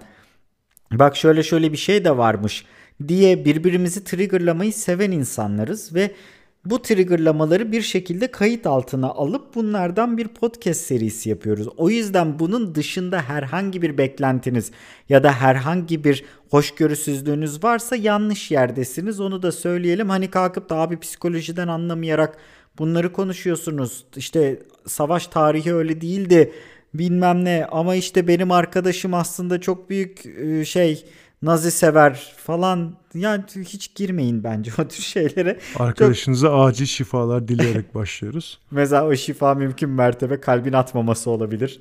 Hani çünkü gerçekten bu konuda benim hiçbir şekilde limitim yok. Bunun dışında bir de hızlıca şeye geçeyim. Yine TQX'in e, bizim son yaptığımız konuşmada bir Berkin'in altını çizdiği benim de çok sık e, Twitter'da atarını yaptığım yaşlı insanlara saygı duyulmaması. Abi ne yapmışsın 35 yıl bankada veznedarlık yapmışsın niye biz sana hürmet duyalım tartışmasıyla ilgili ona katıldığını belirttiği başka bir şey. Bir de çok güzel bir noktaya değinmiş bizim geçen podcast'te değinmediğimiz internetin kullanımının artmasıyla birlikte herkesin fikrinin değerli olduğuna inanma isteği. Senin de az önce söylediğin bir laf vardı ya belki hani herkes e, kendi yaptığı şeyin daha değerli olduğunu görmek ister. Benzer bir şekilde bunu e, David Hume'un e, veya Kant'ın şeyinde güzellik algısı ile ilgili yazısında vardı. Kant'ın yazısında olması lazım. Bir şeyin güzel olması aslında başka insanlar da onu benim gibi görsün diye milletin kafasının üstüne ekşimekle alakalı. Tabii çok fena bir paraphrasing yapıyorum. Çünkü dünya psikopatı bir insan Kant nihayetinde. Ee, hani başkalarının başına ekşimek ve bak bak gördün mü güzel değil mi? Sence de güzel değil mi? Sence de güzel değil mi? Demek üstüne kurulu bir şey aslında. Ee, ona dair bir şey söylüyor. Hepiniz fikrinizi söylemekte özgürsünüz algısı. Özellikle bizim coğrafyada hepinizin fikri aynı derecede kıymetli ve dikkate alınmalı olarak çarpıtıldı demiş. Güzel bir nokta bu da. O yüzden... Daha güzel ifade edilemezdi. Değil mi? Abi şimdi insanlar biraz fikir ishali olmuş durumda. Özellikle internetin getirdiği benim lüzumsuz demokratikleşme olarak adlandırdığım eminim e, sosyal e, bilimciler buna daha güzel isimler veriyordur. Daha yakışıklı isimler, daha güzel bir terminoloji, daha böyle yakışıklı bir terminolojiyle bunu anlıyordur ama ben buna lüzumsuz demokratikleşme diyorum. Çünkü e, arkadaşlar maalesef herkesin görüşü aynı şey demek miktarda de, değerli değil. Yani hani konu uzmanlarının görüşleri başta olmak üzere konuda kendisine eğitmiş insanlar ardından konu ilgilileri, hobiciler vesaire ve sonra en sonunda işte e, rastgele insanların fikirleri önemli. Bir yerden sonra e, rahmetli Uğur Mumcu'nun ona çok atfedilen, onun mu hakikaten bilmiyorum ama birçok kişi tarafından söylenmiş olabilir bilgi sahibi olmadan fikir sahibi olma kavramının çok yaygın olduğu bir coğrafyada. Çünkü şimdi şöyle bir durum var abi bizim e, haber diye izlediğimiz şeylerin önemli bir kısmı propaganda. Bugün evet. halkla ilişkiler dediğimiz şeyin karşılığı propaganda. Çünkü tek yönlü yapılan şeyler propagandadır arkadaşlar. Çok yönlü yapılan iletişim propaganda olmaktan çıkar. İnternet bir propaganda alanı olarak da kullanılabilir e, karşılıklı iletişim için de kullanılabilir. O biraz daha esnek bir ortam ama bir haberler, bir gazete aldığınız zaman, bir haber bülteni dinlediğiniz zaman bu propagandadır ve e, propagandada kimse e, size ne düşündüğünüzü sormaz. Böyle düşüneceksiniz diye yukarıdan inme şekilde dayatırlar. En demokratik ülkelerde de bu böyle.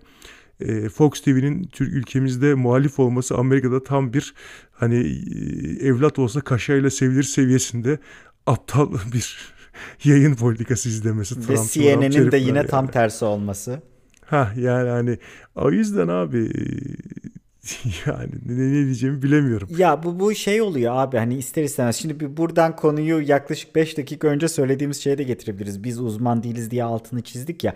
Abi zaten biz e, hani şeyin farkında olan e, insanlar olduğumuz için yani söylediklerimizin sadece bizim fikirlerimiz olduğunu bizim kendi minik bir metrelik çapımızın dışarısında kimseyi etkilemesini zaten ummadığımızı ha birileri abi evet doğru söylüyorsunuz ben de sizinle hemfikirim şu şu söylediğinize şunu şunu da ben eklemek istiyorum dediğinde sadece mutlu olduğumuzu o yüzden kendi kendimizi pişti yapmaya çalışmadığımızı da ben not düşmek istiyorum. Çünkü gerçekten dediğim gibi konunun uzmanı varken atıyorum bir psikolog insan çıkıp da abi şunu şunu dediniz şunu şunu şöyle de bir tarafı var dediğinde zaten abi çok teşekkürler bunu eklediğin için demek bizim boynumuzun borcu ve ekstra keyif aldığımız bir şey. Çünkü biz de bir şey öğrenmiş oluyoruz. Ama genel olarak insanların özellikle Orta Doğu'da bunu kabullenmemesi mesela bak şeyi söyleyeceğim. Babama gittim birkaç gün önce.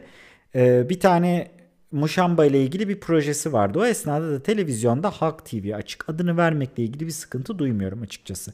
Şimdi deprem konusunda bir şey konuşuluyor. İstanbul depremi tartışılıyor. Ee, ve sunucunun söylediği bir şey var. Farkındaysan moderatör diyemiyorum. Çünkü moderatörlük öyle yapılan bir şey değil. Türkiye'de ben moderatörlüğü hakkıyla yapan bir insan görmedim daha. Televizyondan bahsediyorum bu konuda. Yoksa çeşitli etkinliklerde vesairelerde var bu insanlar. Sadece televizyona çıkan tüm haber kanallarına son 10 yıllık bütün programları dahil ederim. Moderatörlüğü hakkıyla yapan kimse görmedim. E, o yüzden sunucu diyorum. Sunucunun söylediği bir şey var. Bir e, uzmana, eski bir belediye başkanı olan bir uzmana soruyor. Hocam diyor şimdi İstanbul depremi yüzde kaç diyeceğim. Tamam biliyorum böyle falcı soruları so- sevmiyorsunuz. Bu falcı soruları sevmediğinizi biliyorum ama şimdi burada insanlar da bunu merak ediyor. Hocam bir İstanbul depreminin 7'nin üstünde bir İstanbul depreminin olması yüzde kaç ihtimaldir?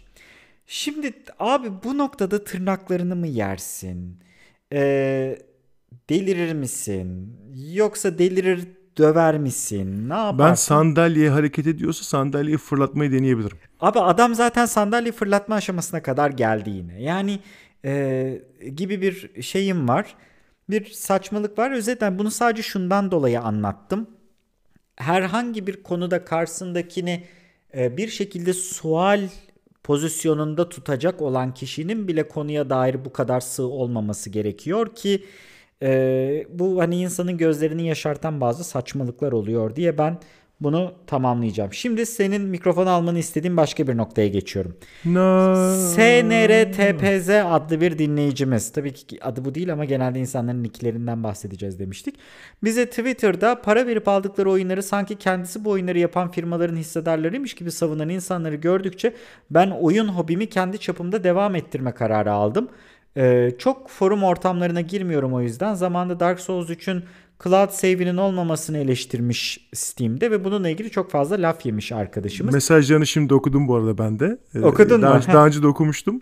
Şimdi tekrar baktım. Bu ee, noktadan ben Berkin sen çünkü bir fotoğrafçı e, insan olduğun için sana yönelteceğim. Direkt SNR TPZ bize demiş ki Abi fotoğrafçılıkta mesela insanlar birbirlerine hakaret ederek fotoğraf makinesi tartışıyorlar mı? İşte bu makine en iyisi kendine fotoğrafçı demesen fotoğraf kötü çıkmış senin beceriksizliğin yoksa makine süper. Tarz bu arada gerçekten bu cümleyi konuyu bilmiyor olmasına yani hiç böyle bir şey var mı ben bilmiyorum diye sormuş ama bu cümleyi bu kadar cık bir insan nasıl söyleyebilir nasıl oturtabilmiş bilmiyorum. Abi var mı böyle bir şey diye ben sana sorayım bu sefer. Bunun psikolojik karşılığını ismini bilmiyorum. Sosyologlara bunu sormak lazım. O da oradaki karşılığını da bilmiyorum. Ama abi biz e, şimdi şöyle bir soruna sahibiz insanoğlu olarak. Belirli amaçlarımıza hizmet eden markaları kenara koyuyorum.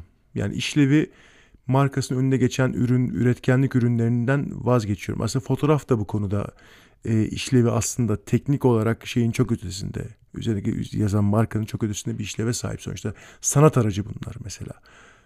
Bu şey gibi yani hani e, bir heykel tıraşa işte kullandığı işte minik çekiç ne marka demek kadar saçma günün sonunda ama iş buraya geliyor. Sebebi şu abi biz kendimize markalardan bir kişilik örmeye çalışabiliyoruz. Bu hataya düşebiliyoruz. Bunu hepimiz yapıyor değiliz. Şimdi şöyle bir şey var. Şimdi gidiyorsun X marka telefon alıyorsun, tablet alıyorsun, bilgisayar alıyorsun. Y marka, Z marka çok önemli değil markasının olduğu. Şimdi bazı markaları biz daha çok anıyoruz mesela. Ben bugün Dell XPS aldım, andım mesela. E, kullandım, sevdim ve anlattım yani bu kadar. Adama hiçbir ticari ilişki yok Dell'le. Hı hı. Evet, Dell şu an çalıştığım firmanın önemli iş ortaklarından bir tanesi dünya çapında. Evet abi ama beni ilgilendiren bir durum yok ortada. Abi şöyle bir vaziyet söz konusu. Sen kişiliğini kendi kattıkların, öğrendiklerin, bildiklerin diğer insanlara toplum içinde gösterdiğin, verdiğin tepkiler, onlarla yaşadığın iletişim şeklinde tanımlamazsan kendine bir kişilik alanı örmeye çalıştığın zaman etrafına markalar doldurmaya başlıyorsun. Markalar giydiğin giysinin üzerindeki bir e, isim de olabilir. Telefonun arkasındaki logo da olabilir. Bilgisayarın kenarındaki ışıklı bilmem ne de olabilir. Işıklı deyince insanların aklına Apple geliyor ama Apple artık uzun süredir ışıklı logo kullanmıyor. Ama mesela benim kullandığım şeyde ThinkPad'de i no, harfin üzerinde kırmızı nokta var mesela yani. Hani hı hı. Kırmızı noktalı teknoloji diyorum yani ne kadar ayıp değil mi? Aa, çok ayıp. Yeah. değil mi aslında marka kendim şey kendime kişilik böyle örüyormuşum mesela. Abi e, sonuçta kendi kişilik örme imkanı sağlayan, seni tanımladığını düşünen şeylere insanların kendi kaptırma eğilimi var. Şimdi abi şimdi çeşitli saatler var. Mesela tasarımdan hakikaten hiç nasibini almadığını düşündüğüm önemli miktarının tasarımdan nasibini alanların da mesela e, aşırı pahalı olduğu Rolex bir marka var. Abi adamlar insanların cebine parasını yeteceği Rolex'ler hakikaten abi çok zevksiz şeyler yani bilmiyorum hiç saat e, bilmeyen insan bile bu ne ulan der. E, yani altın saat mi takıyorsun? O ayrı bir zaten başka bir kültür seviyesi o. Ben onu bambaşka bir yerde değerlendiriyorum yani. Tam takana karışamam ama hı hı. ben biraz garip buluyorum. Sarı altın sarısı bir saat takmayı. Özellikle hakikaten altın o altına da para veriyorsan biraz saçma buluyorum ama abi zevkler ve renkler bilmiyorum sonuçta. Ben garip takıntılar olan bir insanım. Saate takamıyorum zaten. Karpal tünel sendromu. Solak değilim ama sağ bileğime işte Xiaomi Mi Band takıyorum mesela. Kendimi Xiaomi Mi Band üzerinden tanımlamıyorum. Ha e, Apple Watch kullansam bunu bunun üzerinden kendimi tanımlamaya çalışır mıydım? Ya bir sanmıyorum çünkü zaten benim vücudum kocaman. E, en büyük e, akıllı saat bile benim üzerimde kayboluyor yani. Ben oradan mesela kendime marka örüntüsü yaratamam. Marka üzerine kişilik örüntüsü sunamıyorum yani. Hani bu kötü bir şey anlamında söylemiyorum ama yapamıyorum abi ya. Yapacak bir şey yok. Ben şeyi bilirim ya zamanında bir gözlük almıştım. Bir arkadaş şey demiş wow Lacoste çerçeve almış. Oğlum hafif de aldım işte ne bileyim yüzüme uyuyordu falan dedim yani hani. Olsun olsun timsah gösteriyorsun. Dalga geçiyor bende tabii çok yakın bir arkadaşım. Dalga geçiyor ben onu biliyorum ama lan bir an düşündüm lan ben böyle bir insan olabilir miyim acaba lan bir gün hani timsahın büyüğünü alayım onun tişörtüyle gezeyim işte. Bilmem kaç günlük çal emeğimi bir tişörte vereyim üzerindeki markayla kendime bir şey öreyim. E, etrafımı ona donatayım işte çıkarayım arabamın anahtarıyla e, Instagram'a fotoğraf atayım. Ya abi ne yapıyorsunuz? Ne yapıyorsunuz bunları? Bunu engelleyemiyoruz insan olarak. Çünkü şey, şöyle bir durum da var. Bunlar erişilmesi zor şeyler. Bir kısmı pahalı. Hani bugün evet e, bir tane e, ucuz bir araba alabilirsin. Bir tane Dacia Duster alabilirsin. Bunu almak kolaydır ama bir Alfa Romeo aldığın zaman nispeten bir miktar paran olduğu ve o Alfa Romeo'nun lüksüne para verebildiğin iması ortaya çıkar. Yanlış değilim. Araba fiyatlarını az çok biliyorum. Ama yani çok evet biliyorum. ama artık Duster alabilmek bile birazcık o pahalı bir zevk konu. oldu ama, Türkiye'de de. Ama, ama dediğin doğru abi yani. hava yapamazsın. Yani. Sonuçta gerçekten premium e, ya da işte daha çok İngiliz usulünde posh dediğimiz e, şeyler, araç markaları işte buna BMW ya daha doğrusu BMW demek. Çünkü Almancası BMW olarak okunması gerekiyor. BMW İngilizcesi yanlış. E, Mercedes ya da işte e, Audi gibi bir markayı seçiyorsan zaten o biraz daha poş, biraz daha premium bir araç aldığını, işte Peugeot, Toyota vesaire seçiyorsan daha uygun gelirli olduğunu gibi gibi şeyleri evet insanlar bunları bu şekilde kullanıyorlar. Haklısın. Abi bunun üzerine işte bir yerden sonra artık insanlar kendilerini sahip olduğu şeylerle tanımlamaya başlıyorlar. Bu kaçınılmaz bir şey. Çünkü özellikle sen kendi hayatını buna adamaya başladıysan, gelirinin önemli bir kısmını, vaktin önemli bir kısmını buna adadıysan e, buradan tanımlıyorsun. Mesela şey gibi ben çok oyun oynuyorum, ben gamer'ım. Kültürü de buradan geliyor birazcık. Evet. Çünkü emek, vakit, para vesaire neyse veya belki hepsini bir an harcadığın şey üzerine kendini tanımlamaya başlıyorsun. Dolayısıyla... Ve her şeyini çok özür diliyorum. Her şeyini tek bir yöne tanımladığın için bu terslik oluyor zaten. Yani gamerlığa çok kendini veren insan elindeki paranın %90'ını oyunlara harcıyor. Dışarıda yediği yiyeceklerin bir şeyi aynı. Gezdiği kültürel yerler belki yok denecek az ya da çok az geziyor. Ee, işte hani ekstra bir bilimsel çalışma yapmıyor, bilmem ne yapmıyor, sanatsal bir uğraşı yok. Sadece ve sadece oyun oynadığı için ve bütün parası ancak hani belirli bir miktar parası ancak buna yettiği için kendisini öyle tanımlıyor. O yüzden evet yani o yüzden gamerlığına bir laf geldiğinde ya da gamerlığı ile ilgili bir problem olduğunda zaten deliriyor. Diğeri de bütün parasını kendisini kaliteli gibi gösterdiğine inandığı mallara harcıyor. Yani tek derdi o. Sadece ve sadece gidiyor daha lüks araba, daha lüks pantolon, daha lüks cep telefonu, daha lüks kamera alıyor gibi düşün. Abi Onun şey gibi yani. vizyonu hani, bundan oluşuyor yani. Ha e işte orada bir şey dediğin sıkıntı da var aslında. Ben ona onu atlıyordum az daha. Çok teşekkürler. E, vizyonun da buraya kenetlenmeye başlıyor. Senin dünya görüşünü şekillendirmeye başlıyor. Abi yani şimdi ben saatten anlamam hep benzer örneği veriyorum abi. Patek Philippe tourbillon gören Rolex'in o dandik modeline bakmaz ki. Hani şimdi bu tourbillon ne o ne bu ne abi sanat eseri bir tanesi bir tanesi de üzerinde işte beş tane üzerine yuvarlak olan taç olan logolu aptal bir saat yani hani bence. Yani dağlar var. Yani diğerinin de var öyle güzel modelleri de. Hem estetik anlamda hem teknik olarak. Abi ama yani hani adam o, o markayı duymuş onun üzerinden gidiyor. Yani bu soğanın cücüğü örneğini ve vermişti ki önce. Yani çok zengin olsan ne yaparsın? Soğanın hep cücüğünü yerim yani. Adam çünkü başka bir zenginlik tanımı yok. Evet evet hani... ta ilk şeyde konuştuğumuz konuydu bu işte. Aynen ben levrek yemem bir tane levrek yemem 12 tane levrek yerim. Çünkü yani abi 80'lerdeki yani liberal ekonomiyle birlikte işte abi sen aldığın ürünsündür mevzusu insanların beynine işlendiğinden beri böyle açıkçası. Yani bunu engelleyemiyorsun. Fotoğrafçılar birbirine giriyor mu? Ee, yani bu işten para kazanmayan, ekmeğinin derdinde olmayan, hobi olarak fotoğraf çeken ve bunu e, dijital ve gerçek penis olarak yanına taşıyan şey vardır ya internet oyunlarında e-peen, elektronik penis. Evet, işte ben evet. bilmem ne achievement'ını aldım. O senin bir elektronik penisindir. Açıp gösterirse oynarsın etrafta onunla falan filan. Hani işte ya da bir şeyde bir çok düşük ihtimali vardır. İşte bir e, nesnenin düşmesinin, bir binek atın vesaire düşmesinin. işte bu işte şeydeki e, Ashes of Alar mesela binde beş düşme ihtimali var. İstediğin kadar farmla yani. Hani haftalar aylar sürer. Her hafta bir kere deneyebiliyorsun. Her hafta binde beşi zar atıyorsun yani mesela. Bunlar hep dijital penis dediğimiz şeyler abi. İyi pin. Ben de var oynuyorum gösteriyorum. Olmayanlara da penis envy oluşmaya başlıyor. Falan tabii, filan. Tabii. Yani saçma salak işler. Abi yani buna artık bu kadar kendi verdikten sonra o işin dönüşü de yok maalesef. Yani sana bir şey katmadığı anlamında da dönüşü yok. Ee, bir kere o yola girdiğin zaman her şeyini ona tanımladığın zaman orada da patlıyorsun yani. Hani şimdi buradan ekmeğini kazanmadığın şeyler üzerine insanlar tartışır abi. Profesyonel gider basar iki deklanşörüne binlerce lira, binlerce dolar parasını kazanır. Akşam keyif içinde yemeğini yer. Ama şeyler insan fotoğraf makinesi üzerinde insanlar böyle tartışmalara giriyor mu? O kanoncular nikoncular birbirine giriyordu bir ara.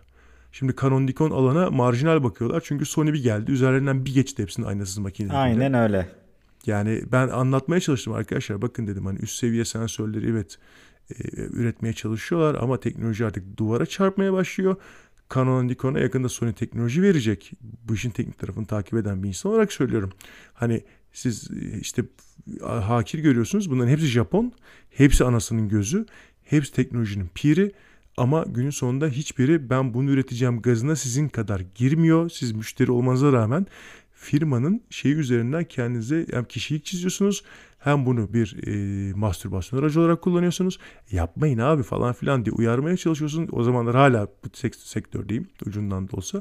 Anlatamıyorduk derdimizi. Sony bir geldi geçti. Şimdi video çeken de Sony alıyor. Bilmem ne alan da alıyor. Hatta alamıyor 40 bin lira adam gövde satıyor ya.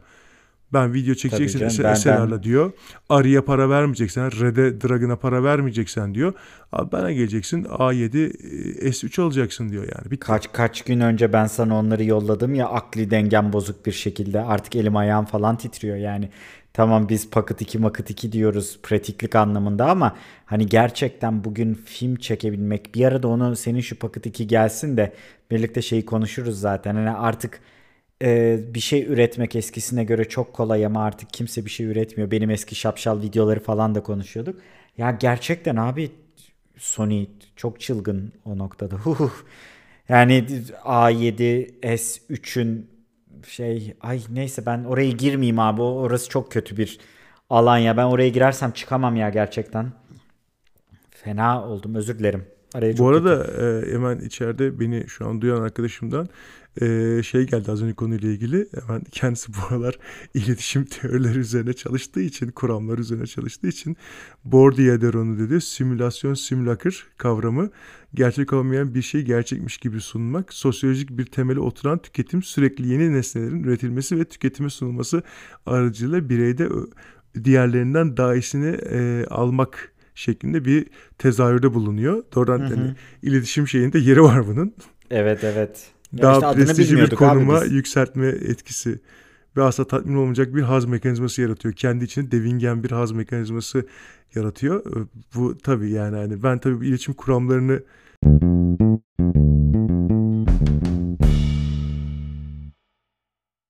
ee, bilmediğim için Baudrillard diye okunuyormuş. Baudrillard, Baudrillard, Baudrillard, Baudrillard, Baudrillard diye okunuyor dedi. Çünkü Fransızca olduğu için ben çok da bilmiyorum tabii. Ee, yani neyse e, o durum bu. Abi evet bunun bu iletişimde pazarlamada bu kavramlar çok fazla kullanılıyor. Benim de unvanım pazarlamacı falan diye geçiyor da değilim yani ben ben çok çok çok temel şeyler uğraştığım için paperwork işim olduğu için o konuya çok giremiyorum ama günün sonunda insanların kendilerine e, metalardan kimlik örme, kimlik inşasının sonuçlarını yaşıyoruz. E, kimse çok iyi Python kodu yazıyorum işte bunu da e, yazarken işte Visual Studio Code yazılımını kullanıyorum. Microsoft'un en iyi ürünü falan galiba. Gerçekten öyle olabilir bu Olabilir arada. evet Visual Studio Code. E, ya ben şey biliyorum abi. Hani hayatını bir ara Mac'te yaşayan arkadaşım bile Visual Studio Code kullanıyordu Mac'te yani hani. bir, bir ara kullanıyordu yani. Ee, o kadar mı iyi dedim. Abi o kadar iyiydim diyordu yani. Dedim tamam sen diyorsan yani Mac kullanıcısı olarak diyorsan zaten daha biz bize çok affedersin e, necaset tüketmek düşer diyeceğim. Bu Mac demişken abi aklıma yine Mac'ler geliyor. Adamlar ya evet resmen, yavaş yavaş e, o tarafa doğru kol bacak muhabbetine döndü. Bu arada çok net bağladık bu konuyu ama hakikaten öyle aklıma geldi. Çünkü start menüye bastım bir an. Orada duruyor mu diye tam ismini yanlış söyleyeyim diye Visual Studio Code hakikaten orada duruyormuş. Abi öyle yani insanlar e, şimdi MacBook Pro'nun niye artık Pro olmaması sorunsalı diye ilk sözlük başlığı açısım geliyor abi şu an yani. Hani. Ya evet bu arada gerçekten şimdi nereden geldik buraya 10 Kasım'da arkadaşlar e, şey Apple yeni e, ARM'lı ilk ARM'lı Mac'lerini tanıttı. İlginç bir etkinlikti. Çünkü ya bir kere bu koronadan dolayı yıl içinde çok fazla sıkıştırılan şey etkinlik, sanal etkinlik oldu. İnsanların gidip gördüğü değildi. Ve Apple gerçekten 3 tane tırnak içinde söylüyorum yine büyük etkinlik yaptı. Apple'ın etkinliği ne kadar büyük olabiliyorsa artık. Ve e, bunlardan bir tanesiydi. Şimdi ilginç bir şey teknik kısımlarını bir dereceye kadar biliyoruz. Siz bu podcast'i en azından yayınlanış tarihi açısından söyleyeceğim. Daha ürünler çıkmamış olacak. Birkaç benchmark internete düştü. Ee, ama benchmark Berkin'in de benimle hemfikir olacağını inanıyorum. Normal kullanım senaryosu açısından konuşulan ürünlü ürünler için girizgahtan ötesini vermeyen değerler.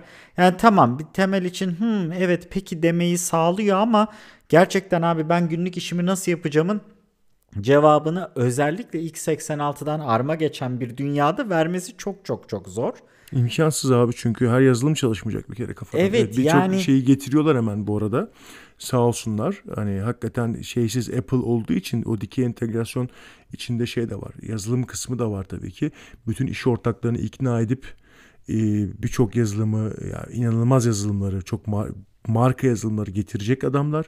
Eyvallah ama abi şu an için adamlar sadece spec'in int perf e, benchmark'ını koyuyorlar abi. Integer için ben de asik yazarım bir tane. E, herkes ezer geçerim abi yani hani onun gerçek dünyaya hiçbir e, fikir vermeyeceğini biliyoruz abi. Çünkü elma ile armut kıyaslaması. Bu elma, elma oradaki Apple değil tabii neyse evet, ama. Evet evet. Abi ama bu arada değişik yöntemler izlemişler. Birazcık ürünlerden bahsedelim mi abi? Bahsedelim abi. Şimdi M1 dediğimiz bir çip üzerinde çalışıyor bu arkadaş. Şimdi genelde e, konuya yabancı olan insanlar için şöyle bir girizgah yapalım. Arkadaşlar cep telefonunuzda olan e, beyin teknolojisine aman tanrım böyle anlatmayı çok seviyorum. Beyin teknolojisi artık bilgisayarlarınızda olacak. Eskiden cep telefonundaki beyinle bilgisayardaki beyin aynı değildi. en kaba tabirle böyle bir girizgah yapıyorum. Çünkü gerçekten dinleyicilerimiz arasında teknoloji dünyasına gayet mesafeli olan insanlar da var. O yüzden onlar daha rahat anlayabilsin diye ilk kabaca girişi böyle yapıyorum.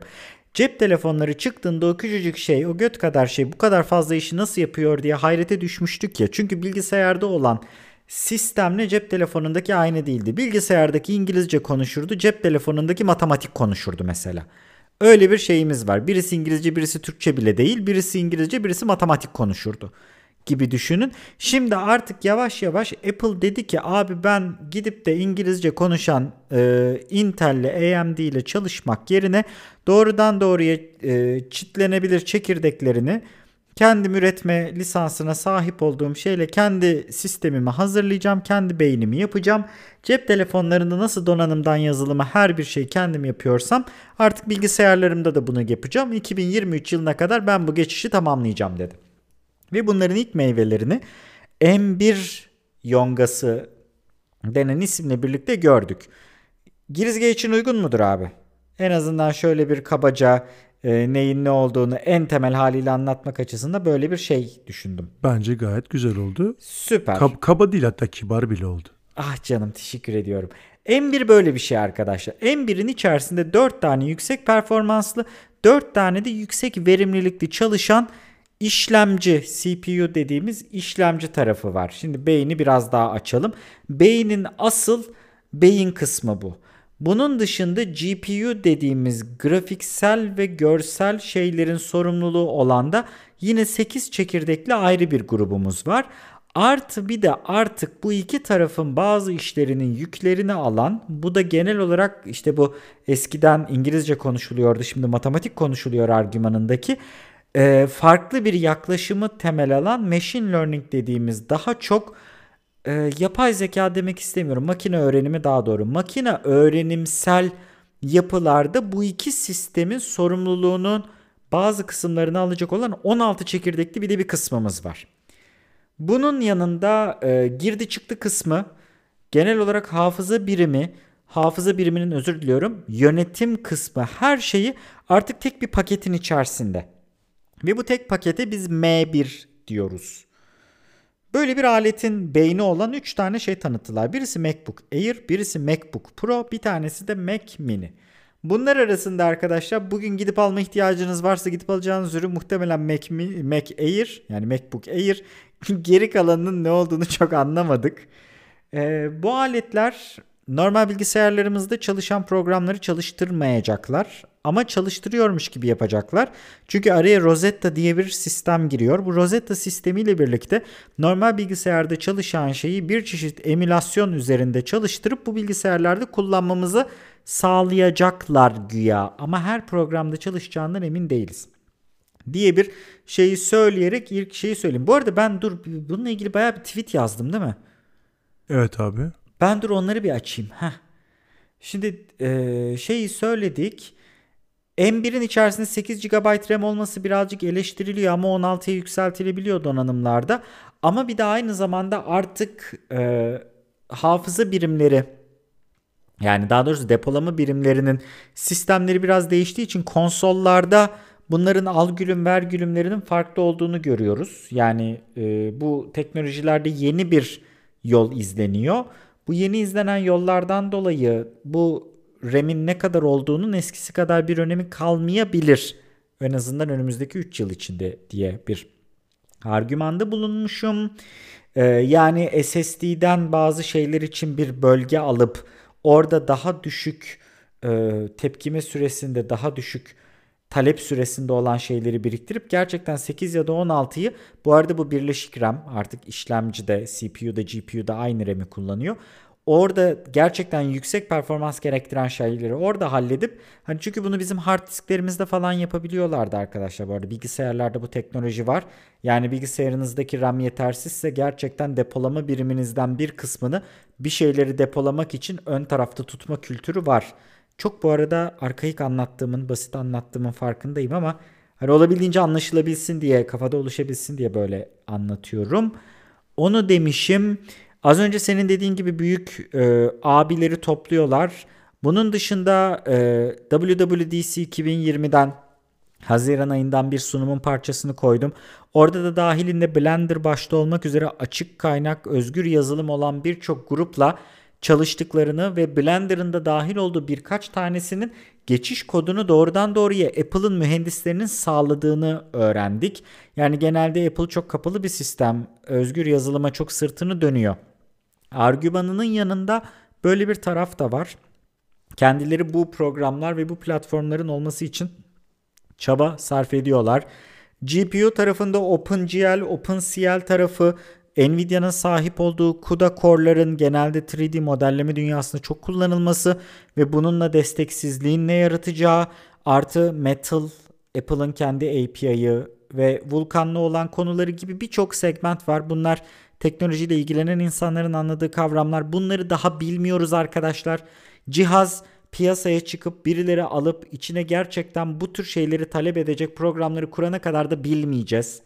Ya bununla ilgili atıp tutmak çok muğlak bir durum diyorum. Ee, ben bazı kendi kullandığım CAT vesaire programlarından bahsetmişim. Şey kısmını Berkin'cim geçiyorum.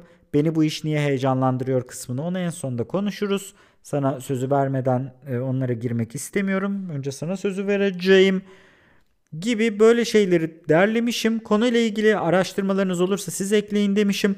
İki tane ek yapmışım. Eklerden bir tanesi Mac Mini'deki input output I.O. kısmının çok az olması. Normalde çift ethernetli bir aletti ve çift gigabit girişi vardı doğru hatırlıyorsam. Eskisinde tek ethernete düşmüş. Aynı zamanda 3 tane USB A, 2 tane USB C'si falan var. E bir tanesinde bunun Thunderbolt'tan monitör takacaksın. Bilmem ne yapacaksın. Yani e, girdi çıktı kısmı galiba M1'in performansından dolayı birazcık düşmüş durumda diye bir düşüncem var. Onu bilmiyorum. Bir ikincisi şu ana kadar çıkan benchmarklarda da 3.2 GHz'lik genel olarak base core speed gözükmüş. Artık bunlar eskisi kadar önemli değil arkadaşlar. Yani bunu kalkıp da bir x86 cihazla kıyaslamanın bir anlamı yok. Benchmarklarda çünkü şu anda Apple'ın M1'ini e, geride bırakan tek bir cihaz var. AMD'nin 5950X işlemcisi.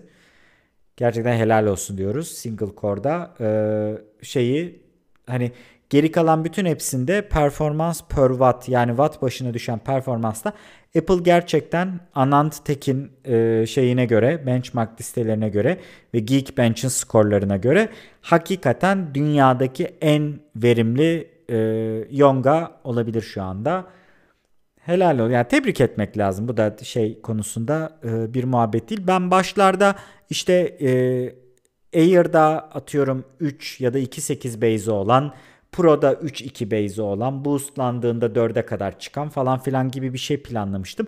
Ama galiba bütün M1'ler birbirinin aynısı o yüzden Berkin'in Pro'yu almaya ne gerek var sorusu oluyor gibi geliyor. Şimdi böyle bir genel bilgilendirmeden sonra hop topu sana atıyorum abi. Buyur. Bundan sonra sen, sen, Estağfurullah sen buyur.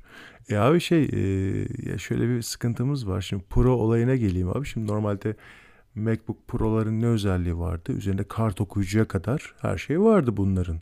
Yanlışsam sen söyle. Üzerinde Ethernet vardı bunların. Gerçi iBook'larda bile Ethernet vardı. Abi sonra bir parantez açacağım. En son 2014'te falan vardı. Ondan sonra bayağı Her aldılar. şeyi kaldırdılar değil Tabii mi? Benim, benim mesela MacBook'um 2010 çıkışlı. Abi yanında hepsi var. O kadar memnun ki. İşte abi yani her şey ufak ufak tırtıklanmaya başlıyor. Abi şöyle bir sıkıntımız var. Burada arada bu arada sadece pil farkı var diyebiliriz rasyonel olarak. Bir, bir de taç otur- barımız var. Ay evet taç bar abi evet sorma ya. Ay çok komik Atamız, ya. At, atamızdan yadigar bizde atabarı vardan daha yaratıcı değil yani. taç bar var abi yani. Bir, bir de bir de şeyden emin değilim. Touch ID sadece Pro'da var galiba. Bu açma kapama düğmesine parmağını değdirdiğinde Touch ID olması. Galiba Air'da yok mu? Bilemedi. Bir de bir arkadaşımın söylediği 0.4 inç Air daha kalın. Yani her şeyle saçma bir nokta ya. 0.4 inç hiçbir şey artık ama yani. Touch ID ikisinde de var abi. İkisinde de var mı? Tamam o zaman yine gerçekten hani Pro'yu daha Pro yapan bir tek pil biraz daha pil. Bu arada pilin çok büyük şeyleri var abi. Yani gerçekten 20 saate video playback 17 saate video konferans falan yani dizüstü bilgisayarda nadir duyulan genelde duyulmayan sayılar. Ama bu Apple'ın artısından çok buradaki Yonga'nın olayı. Gerçi Yonga'yı da Apple yapıyor ama hani nihayetinde ARM'ın teknolojisiyle alakalı olan bir şey diyelim. Hani onu ben araya bir sıkıştırmış olayım. Tamam Apple'ı bu konuda takdir ediyorum. Güzel pil değerleri veriyor ama bundan dolayı da %100 Apple sorumlu değil diye onu ben düşeyim. Buyur abi. Ya abi şöyle bir sıkıntımız var burada. Şimdi en büyük akıllardaki soru tabii ki benim x86 x86 64 mimarisinde çalışan yazılımlarım burada nasıl çalışacak? Çalışacak mı? Ne olacak? Kullanabilecek miyim? Kullanamayacak mıyım? Başıma neler gelecek? Yani hani insanlar bunu merak ediyor ve az önce senin dediğin gibi bu insanlar bunu satın alıp bu yazılımları kurmaya çalışıp patlayıp ellerine yüzlerine bulaştırdıktan sonra işlerimiz yürümüyor diye bağırmaya başladıklarında bu sorunlar çözülecek. Sonuçta bunun sancılı bir geçiş olduğunu Apple biliyor, farkında. Ee, yani hani evet şu an en alınabilecek cihaz hakikaten yeni MacBook Air. Ee, uzun pil ömrü var. İşte özellikle metin tabanlı iş yapıyorsanız kurun kullanın. Ama üzerinde mesela şu an Microsoft Office kullanılmıyor. Evet Apple'ın kendi yazılım paketi işe yarıyor. Ona bir şey demiyorum. Ama günün sonunda insanlar işte e, şirket ağına işte bilmem exchange'leri onlara bunlara o alıştıkları Outlook arayüzünden bağlanmak istiyorlar.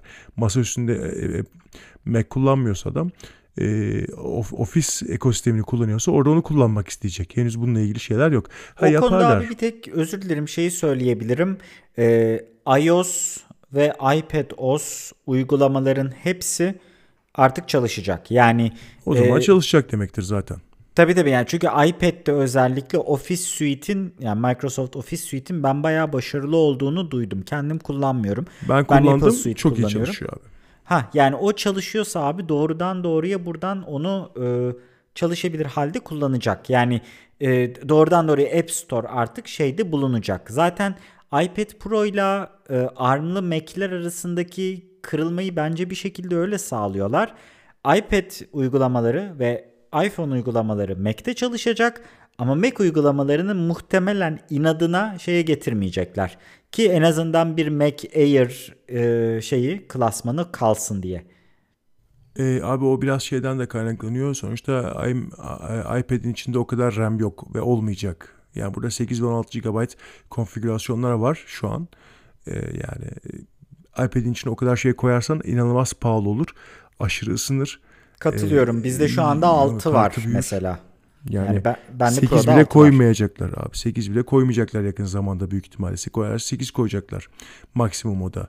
İçindeki işlemci abi o kadar güçlü değil. Şimdi A serisi, AX serisi işlemciler sonuçta abi bir tanesi bilmem kaç watt bir tanesi bilmem kaç watt yani hani bir de sadece şey TDP olarak düşünme.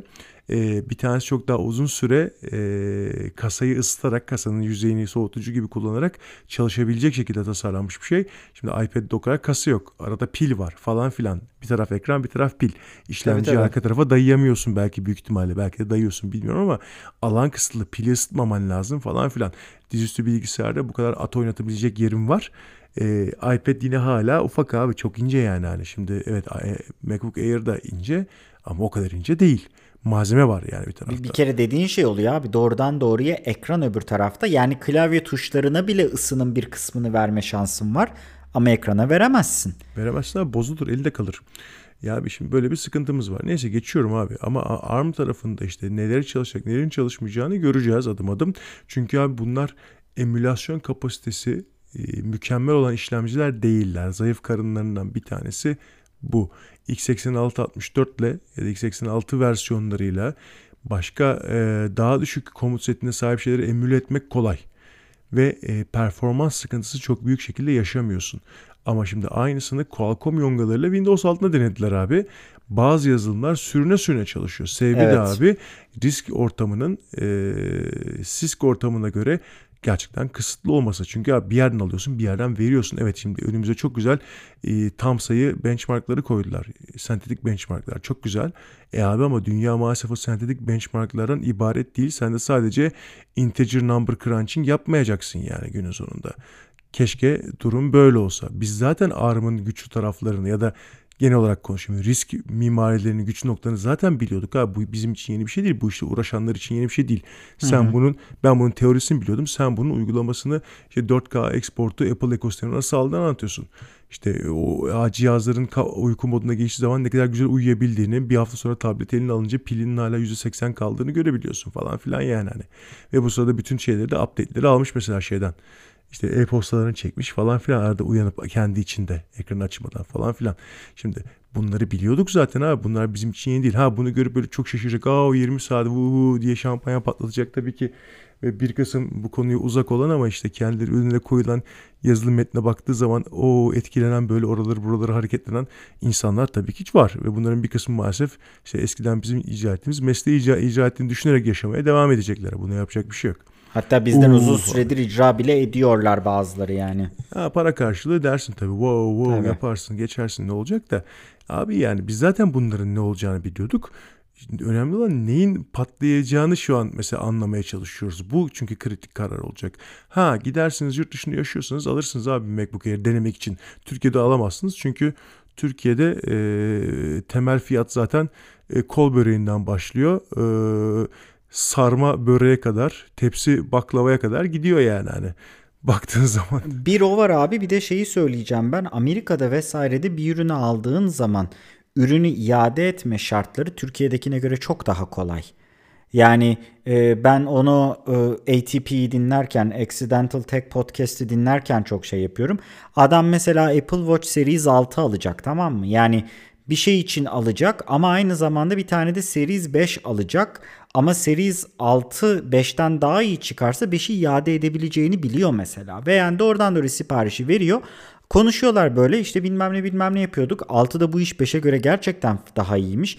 Aradaki fiyat farkını e, sağladığını gördüm diyor. O yüzden 5'i bugün paketledik. E, yarın ben giderken kargoya bırakacağım. Ondan sonra yerine 6 sipariş edeceğiz diyor. Ve bu kadar rahat. Şimdi bu kadar rahat olunca gerçekten gittim MacBook Air aldım. Air'i eve getirdim, denedim. Ondan sonra evet program yüklenmiyormuş. Yani ben işte atıyorum Rhino 3D, Rhinoceros kuracağım. Rhinoceros'u kuruyorum. Rosetta 2 hiçbir şekilde bunun emülasyonunu yapamıyor. O zaman ben e, Air'ı paketliyorum, tekrar götürüyorum Apple'a doğrudan doğruya iade ediyorum diyebiliyor Amerikalı. Bizde bu işler çok daha karmaşık. Abi tabii bir de şu var abi yani hani iade bile alacak olsan şimdi en dandik versiyonun en ucuz hali 11 bin lira. Abi 11 bin lirayı nereden çıkarıp vereceksin ya kusura bakma. Türkiye'de ortalama gelir asgari ücretin bir tık üstü. Yani ortalama servet dağılımında biz tam rezalet bir ülkeyiz yani. Abi ee, katılıyorum. Dünya ülkesiyiz yani. Katılıyorum ama orada şöyle bir problem var. Apple'ın benzer en azından benchmark skoru olarak söylüyorum. Benzer performansı olan bir yine Dell e, XPS'ten örnek verdiğimiz için gidiyorum. Bir Dell bilgisayara baktığında o da abi aynı fiyat aslında. Yani... Yok zaten ama şu var Apple'ın gir yok, yok şimdi şöyle yeni bir teknoloji deneyeceksin ya. M1 yongalı bir tane bilgisayar denemek istiyorum ben. Den yola çıkıyorum ben şu an. Ha, o yüzden o, o, o yüzden öyle söyledim canım. Durumun farkındayım. Premium seviyesine geldiğin zaman şık, ince, düzgün, e, yüzüne bakılabilir, klavyesi tuşlarına uzun süre basılabilir düz bilgisayar dediğiniz zaman 10 bin liranın aşağıda hiçbir şey olmadığını ne yazık ki ben öyle. ben de az çok biliyorum yani. Biraz kırpılmış versiyonlar 6-7 bin lira abi artık yani hani vesaire vesaire. Onu oraya zaten giremiyorsun Ama da. şey e, konusunda haklısın. Gerçekten böyle bir chipseti ilk kez denemek istiyorum dediğinde hakikaten vereceğim paralar 13'lerden başlıyor. Şeyi 16 civarında. Yani SSD'ni azıcık arttırıp 512 yapmak istediğinde otomatik olarak 16 barajını çıkıyorsun. Abi daha ee, kötü bir şey söyleyeyim. Bak hemen tıklıyorum Türkiye'de şu an. Şimdi ben e, işte 8 GPU, 8 CPU versiyonu 16 GB RAM yaptım. Bir de artık standart olması gerektiğini düşündüğüm 1 TB depolama koyuyorum abi. Çünkü ben o kadarını kullanıyorum. Kendi bilgisayarımda o kadar yani. yani 18.100 lira abi yani şu an. Ben yani de Allah, şu anda Allah Pro'ya bakıyorum. Versin. Pro'da da aynı sistem 20.800 oldu. 2-3 haftaya gönderiyormuş. Kaç renginden alayım abi? 2 2 renginden alayım. Hemen böyle şey yapayım buradan. Ee, yok yani dediğine katılıyorum abi. Yani ona söyleyebilecek hiçbir şeyim yok genel olarak buna dışarıdan herhangi bir hard disk takamıyor olmak vesaire yapamıyor olmak onlara da katılıyorum. Ka- katılıyorum ya o, o kısımla ilgili zaten kalkıp da savunmalık bir şey yok ama zaten hani bir şeylerin pozitif noktalarını görürken negatifini de görebiliyor olmamız lazım. Hani o noktada ben e, kalkıp da her ne kadar bu ürünlerden heyecan duyuyor olsam da böyle bir kısmını savunmam mümkün değil. Evet yani bu aletin 512'lik bir e, SSD ile gelmesi bile komik. Çünkü ben bugün herhangi bir video yerleştirdiğim zaman bunun içerisine patlıyor yani cihaz. 256'lık bir cihaz zaten bu noktadan sonra anlamlı değil. Hani ta senin de şeyi 256 SSD zaten şu an 3000 liralık en ekonomik dizüstü bilgisayarlara geliyor abi. Hard disk kalmadı artık. Evet yani öyle de bir gerçek var. Ama hani dediğim gibi ben bu aletler için heyecanlanıyorum. Heyecanlanmamın sebebi de ki bununla ilgili birazcık da iğneleme anlamında değil de bir de bir üzüntüm vardı. Hani senin ve benim birlikte çalıştığımız dönemlerde keşke bu tür şeyler çıkabiliyor olsaydı. Çünkü hatırlarsın o dönemlerde Hardware Plus'ta EMY Medya'da birlikte çalışırken koca Türkiye'de Duet e, uygulamasıyla herhangi bir iPad, tableti, herhangi bir bilgisayara ekran yapmakla ilgili bizden başka incelemeyi vesaireyi yazan hiç kimse yoktu. Yani e, bizim o dönemlerde hatırlarsın yine Fatih'le birlikte e, bolca işte NAS projeleri yapmamızın, farklı işte depolama sistemleriyle farklı çözümler sunabilmemizin. Yani hani birazcık işin içine tinkering katarak eldeki teknolojiden nasıl faydalanabileceğimizi denemenin çok da fazla Türkiye'de bir teknoloji basınında karşılığı yoktu. Ben buna birazcık üzülüyorum çünkü yıl 2019'du. Sanki çok uzak bir zamanmış gibi. Ee, benim yakın bir arkadaşım iPad Air aldı. Şey MacBook Air aldı. MacBook Air aldıktan sonra biz gaza geldik. O dönemde de Sidecar diye bir teknoloji çıktı Apple'a. Sidecar'ı bilmeyenler için açıklayayım. İster kablolu ya da ister kablosuz olarak belirli bir MacBook ve Mac ve belirli bir iPad seviyesinin üstündeki cihazları birbirine bağlayıp iPad'i ikinci dokunmatik bir ekran haline getirebiliyorsunuz. Şimdi bu çok büyük bir özellik. Neden çok büyük bir özellik? Çünkü ben elimdeki iPad Pro'yu aldım. Adam MacBook Air'i getirdi. Dedim abi şuna Blender indirsene. Ne yapacaksın dedi. İndir dedim deneyeceğiz bir şey. İndirdi yıl 2019. Blender'ın hiçbir şekilde Mac platformunda dokunmatik bir arayüz e, optimizasyonu yok. İndirdi. Benim tableti kabloyla bağladık. Ardından Blender'ı açtık. Blender'da Digital Sculpting'i açtık. Heykeltıraşlığı. Geçirdik abi tablete ve ben kalemle bir karakter modellemeye başladım. Berk'in hiçbir optimizasyon olmamasına rağmen ve bir iPad Air, şey MacBook Air elimizde olmasına rağmen o kadar akıcı bir şekilde karakter heykeltıraşçılığı yapmaya başladık ki. Dedim abi bu inanılmaz bir şey. Çünkü bir Wacom tablet atıyorum 4000 dolarlardan başlıyor bu boyutta, bu pressure sensitivity'de yani kalemin basınç hassasiyetinde bilmem ne de atıyorum 2500-4000 dolar aralığında falandı o dönemde. Ve yani bir tane iPad alıyorsun. iPad'i iPad olarak kullanıyorsun. Aktif şekilde. Ve ardından gelip bilgisayarına bağlıyorsun bunu. Bağladığın zaman da bunu bir tablet olarak kullanıp iş yapabiliyorsun. Ve bunu böyle bir cihazda yapabiliyorsun ve dedim ya yani bu bu inanılmaz bir şey. Beni Mac platformuna geri döndürecek bir şey varsa bu tür çözümler olmalı. Ve o olaydan sonra Türkiye'deki basını takip ettim. Buna istediğim büyük ya da küçük baş, istediğin grubu seç. Hiç kimse böyle bir şeyden bahsetmedi ve hani bu benim içimi çok burkmuş olan bir şeydir. O yüzden Hani e, Twitter'a şeyi yazdım ben de. Türkiye'de periyodik bir Apple düşmanlığı olduğunun farkındayım. Halka bir şey diyemem. Tüketicinin fikir sahibi olması kendi hakkı. Ki gerçekten buna katılıyorum abi. Yani politikalar olsun, bilmem neler olsun, ıvır zıvır fiyat baremi olsun. Apple'ı sevmeyebilirsin.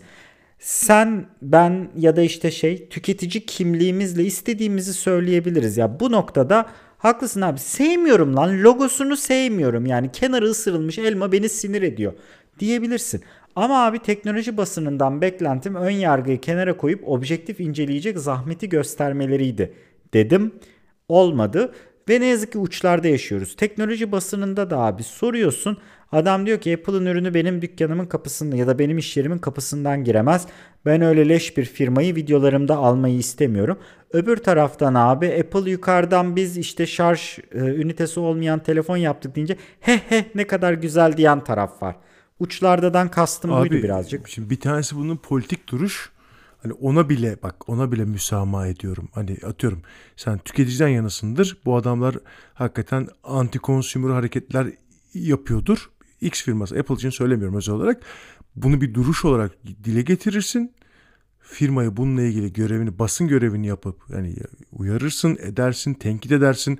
Hakkındır zaten senden beklenen teknik olarak bu eleştirel olman ya zaten eleştiri olmaya bir şey diyemiyorum bile ama diğer türlüsünde Türkiye'de gayet çok fazla var.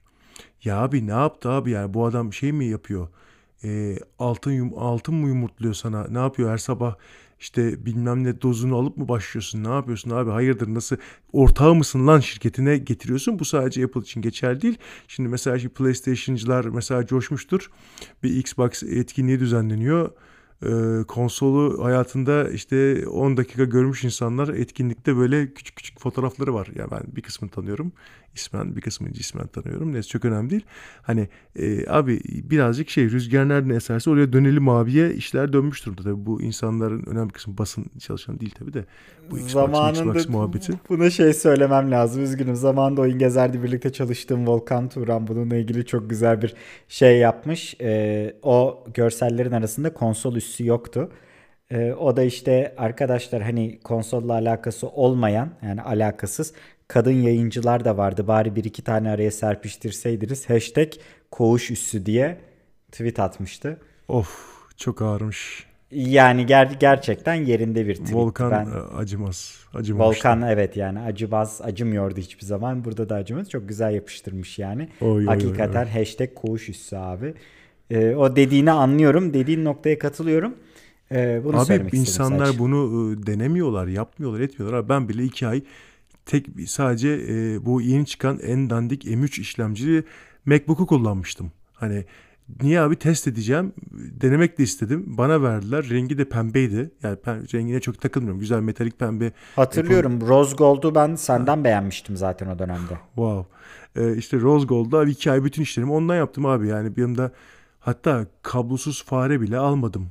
Yani hani çoğu zaman ayımdaydı yani ihtimale karşı ama hani ihtiyaç olur mu olmaz mı bir de touchpad işimi görüyordu. Düzgün touchpad'li bilgisayar zaten hani okey abi zaten fareyi kullanmıyorum. Zaten ofis işi yapıyoruz anasını satayım. Hı-hı. Ha Bluetooth'tan bağlayıp oyunda oynamıştım tabii bir kere. Ee, hatta şeyi testi yapmıştık sonra. A- aynı işlemciye sahip bir de Samsung'un tableti vardı. Ee, onlarda Heroes of the Storm falan oynuyordum. 720p çözünürlükte çalıştıracak mı falan filan diye böyle FPS testi böyle bir videomuz vardı Allah'ım ya. Onu onu da hatırlıyorum ben ama onu seninle dışarıda buluştuğumuzda mıydı? Ben o esnada yok, yok, orada çalışmıyordum. Ofiste çe- o ofiste ha. çektiğimizi hatırlıyorum ama sen de çekmedik galiba. O şeydi böyle hani elde telefonla çekilen videoydu. Bakın şimdi ne yapacağım deyip ki gösterip oyun açmıştım. Ulan bunda oyun oynanır mıydı? Yani şeysi e, konsept.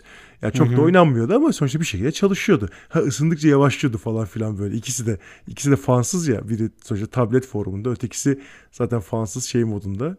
Bir yerden sonra oyunlar çok kasılmaya başlamıştı bırakmıştım. Aynen öyle. Ama Hero ya, Storm açtın mı? Açtım abi. Bitti yani. Açtı abi. Yani o şeyi hani üstünde mental taşı elektronik penis var mı? Var. Var abi var bitti. Ya işte ben e, bu tür şeyleri bekliyordum. E, gerçekten mesela bizim çok kullanmadı. Şimdi Türkiye fiyatlarını bir kenara bırakmak zorundayım. Çünkü gerçekten bu noktada ben ekonominin alaşağı olmasından sorumlu değilim. Ben biraz daha vizyon sahibi olduğumu söylemem. Vizyon sahibi olduğumu iddia etmiyorum. Ama en azından olmaya çalışan bir fakir olarak konuşacağım. Abi şu beni çok heyecanlandırıyor mesela. Dışarıdayım. Elimde tabletle Shaper 3D'de ya da Blender'ın işte bir Light ARM versiyonunda bir model üstünde çalışıyorum. Modeli hazırlıyorum. Ondan sonra aynen şu anda e, benim iş yerimdeki sen olayı biliyorsun. Remote desktop'u seninle konuştuk zaten. Ben yukarıda eski bir dizüstü bilgisayarı terminal olarak kullanıp aşağıdaki kasaya bağlanıyorum ve bütün işlerimi aslında remote desktop üzerinden yapıyorum. Buna modellemeler de dahil. Müşterim geldiğinde dilimleme dahil vesaire dahil. Powerline var bu arada arkadaşlar dükkanın iki bölgesine elektrik hattı üzerinden bağlı. Yeni düzenlemelerle 500 megabit per second falan gibi bir bağlantıyla ben gayet yağ gibi bütün her şeyi alabiliyorum. Remote desktop gibi bir şeyle doğrudan doğruya evdeki Mac Mini'me bağlanıp evdeki Mac Mini stacklerime bağlanıp anlatacağım bunu da. Ee, doğrudan doğruya şeyin Blender sahnesinin renderını tabletim üzerinden bir şey olarak remote desktop olarak alabilmeli. Ondan sonra bu uzun süreceğinden dolayı zamanında para buldukça eklediğim ikinci, üçüncü Mac Mini'leri, Mac Mini çünkü üst üste konarak render farm kurabileceğim bir altyapıya da sahip. Bunları üst üste kurup istediğin gibi birbirine ekleyip bunları da lineer bir şekilde performansı arttırabileceğin bir durumda. Arttırıp render'ımı alıp işime bakabileceğim bir dünya ihtimali. Şimdi bu dünya ihtimali yeni mi? Hayır değil vardı. Ama sadece çok profesyonel insanların erişebildiği sistemlerdi bunlar. Ama artık prosumer dediğimiz ya da daha çok bunu hobisel olarak yapabilecek insanların da böyle bir şeyleri elde edebilecek olması ile ilgili bir umut ışığı oluyor bende. Yani doğrudan doğruya tek sevi dediğimiz teknolojiye çok. Çünkü bunların hepsini şu anda Windows ortamında rahat rahat yapabilirsin. Linux ortamında hazırlaması zor olmakla birlikte imkan anlamında çok daha rahat yapabilirsin. Ama hani biraz daha tüketiciye doğrudan ulaşabilir bir şey halinde gelebiliyor olması ve dediğim gibi bunları Linux ya da Windows tarafında yaparken işin tablet karşılığı yok. Yani elinde kalemiyle çizimini, sculptingini, modellemeni, illüstrasyonunu, katmanlar üzerinde animasyonunu yapabileceğin bir tablet dengi olmayan bir dünyadan bahsediyoruz. Onunla birleştirip yapabilme fikri gibi geleceğe dair yaratıcılık şeyleri beni çok etkiliyor abi. Diye bir girizgah yapayım sana. Vallahi şimdi bu yaratıcılık şeylerini kullanabilecek insan da lazım. Şimdi bunlar da oradan dijital üretimle ilgili şeyler. Öncelikle bunu kullanmayı talep edecek bir insan ekosisteminin bulunması gerekiyor. Yani üretim yapacak insan lazım. Mesela şimdi sen şey örneği verdin ya, sidecar örneğini verdin ya abi. Mesela o beni, o beni çok etkiliyor. Hani adamlar hakikaten böyle bir şey düşünmüş, böyle bir şey var ve e, abi kaç kişi Wacom tablete bugün ihtiyaç duyuyor? Onu bir konuşalım istersen. Şimdi benim Wacom tableti hakikaten kullanan, gündelik kullanan, benzer şeyler kullanan, eskizlerini iPad tarzı cihazı parası yetse oraya yapabilecek, yapmak isteyecek veya hala hazırda yapan tanıdıklarım var. Hani ama sonuçta bir gün sonunda bir tane tablete, çizim tableti ihtiyacı var.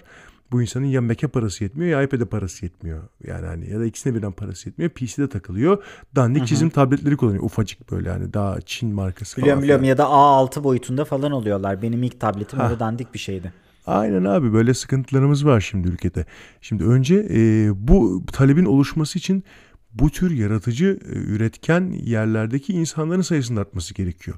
Ondan sonra insanlar ancak bu işte teknolojiden işte mobil çalışayım ben rahat işte yaratıcı iş uğraşıyorum. İşte gideceğim ya mekandan bağımsız hale geleceğim falan filan. Ondan sonra olacak ya. Bu işin altyapısı bile yok abi Türkiye'de. Bugün baktığın zaman abi evine VPN yapıyorsun. Belki 3 gün sonra her türlü VPN SSL bağlantısı yasaklanacak. Hangi ülkede yoktu? İran'da mı ne SSL yasak abi yani hani. Hı hı. Ya Çin'de mesela VPN sadece ve sadece Wikipedia'dan bir şey okuma koşuluyla serbest. Onun dışında VPN tümüyle yasak. Devlet eliyle oluşmuş VPN var abi. Nasıl yani şimdi diyorsun lan? Zaten teknik olarak evet hani, yani. E, ama amacını aşan şeyler maksadı. Neresi private bunun? yani hiç private değil işte virtual public diyelim private yerine. O public Tabii de P sonuçta kurtarıyor. P kurtarıyor abi orada bir sorun yok. Yani ne dediğini anlıyoruz biz falan filan.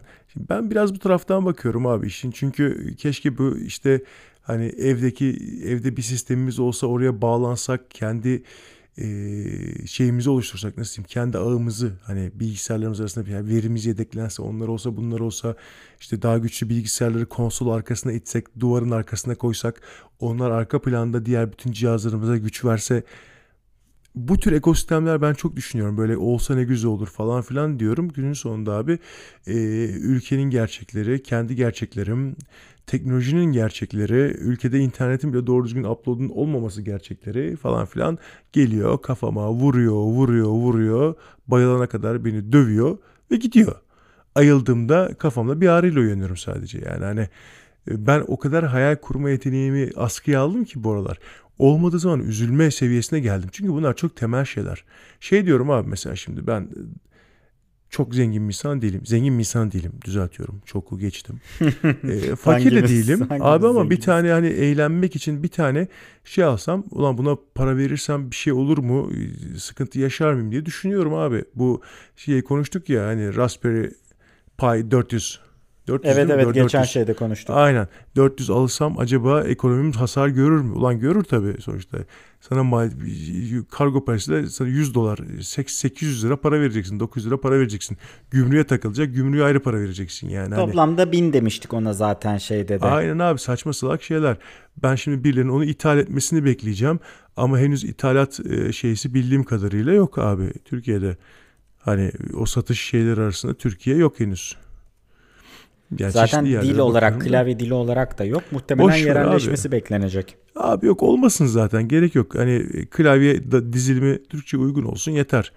Ben sonuçta oradaki işte bir abuk subuk düğmeyi iyi, iyi olarak, yumuşak iyi olarak, iyi olarak kullanırım yani hani. Hı hı. Üzerine etiket yapıştırırım, bir şey yaparım çok gerekiyorsa da işte önemli olan abi şimdi mesela bu tür şeyler insanların alıp oynayabileceği fiyat seviyelerine tamam mı? Hani oynamak diyoruz ya mesela şimdi paramız olsa keşke şu ARM e, Apple cihazını alsak denesek. Hani Apple bana bunu e, eskiden olsa belki gönderirdi. Hani ben özel olarak Apple'a rap kasan bir yerde çalışmadım.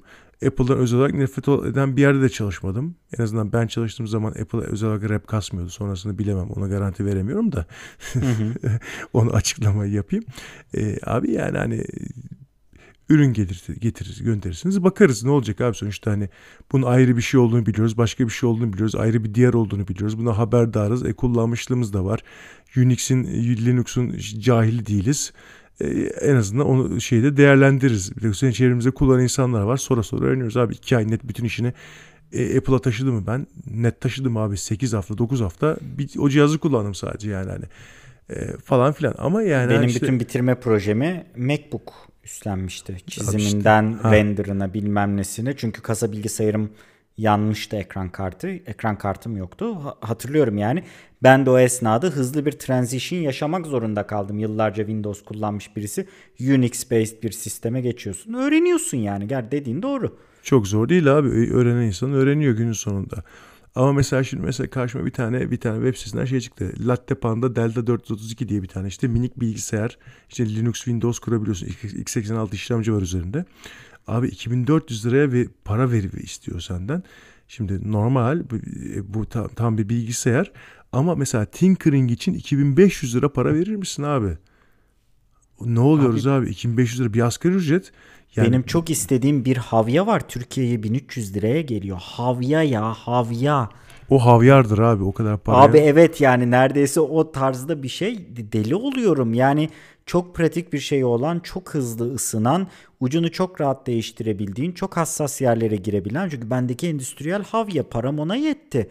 Kocaman ya kalas gibi bir şey kullanıyorum. Elektronik projelerinde çok sıkıntılıyım. Abi Adam Savage'da gördüm. 138 dolar mıydı neydi bakıyorsun. Hani bin küsür liraya geliyor. Dalga mı geçiyorsunuz abi? On, onda haklısın. Ona bir şey diyemem. O yüzden abi o hayallerin senin bahsettiğin o bütün o kurgular falan filan ben artık düşünmemeye çalışıyorum. Ama Mesela, abi öğrenilmiş çaresizliğe de düşmememiz lazım. Öğrenilmiş yani, çaresizlik değil abi cüzdan yetmiyor. Abi haklısın ama en azından e, umudu kaybetmek demeyeyim de vizyonumuzu bir şekilde çünkü Abi tamam zengin değiliz. Tamam fakir de değerlendirmiyoruz kendimizi ama bir şekilde abi elimizde olabilecek şu andaki tek şey vizyonumuzu diri tutmak değil mi? Evet, en azından öyle, vizyonumuzu diri tutmaya çalışıyoruz. Yani ben e, bak hala 10 yıl önceki dizüstü bilgisayarı kullanıyorum. Benim evdeki bilgisayarımı biliyorsun 2600K işlemcim var. Intel 2600K kullanıyorum. 2011 yılında aldım ben o işlemciyi. O bilgisayara e- ekleyebildiğim tek şey ekran kartımdı 980. O da binler çıktığı zaman ucuzladığı için aldım. Ee, bir de 16 GB'e çıkardım RAM'ini. 8 vardı 16'ya çıkardım. Aynı Corsair Vengeance'lardan buldum yine. Hani e, şey olsun uyumlu olsun diye onlardan alabildim. O kadar abi insanlar 1440p 120 Hz falan diyor. Ben 30 FPS'nin üstüne hayal etmeyen bir adamım. Benim klavyem hala K400 Logitech şeyde yıkayabildiğim, musluk altında yıkayabildiğim klavye. Tuşlar artık altları kireçlendiği için düzgün basmıyor. Klavye almıyorum.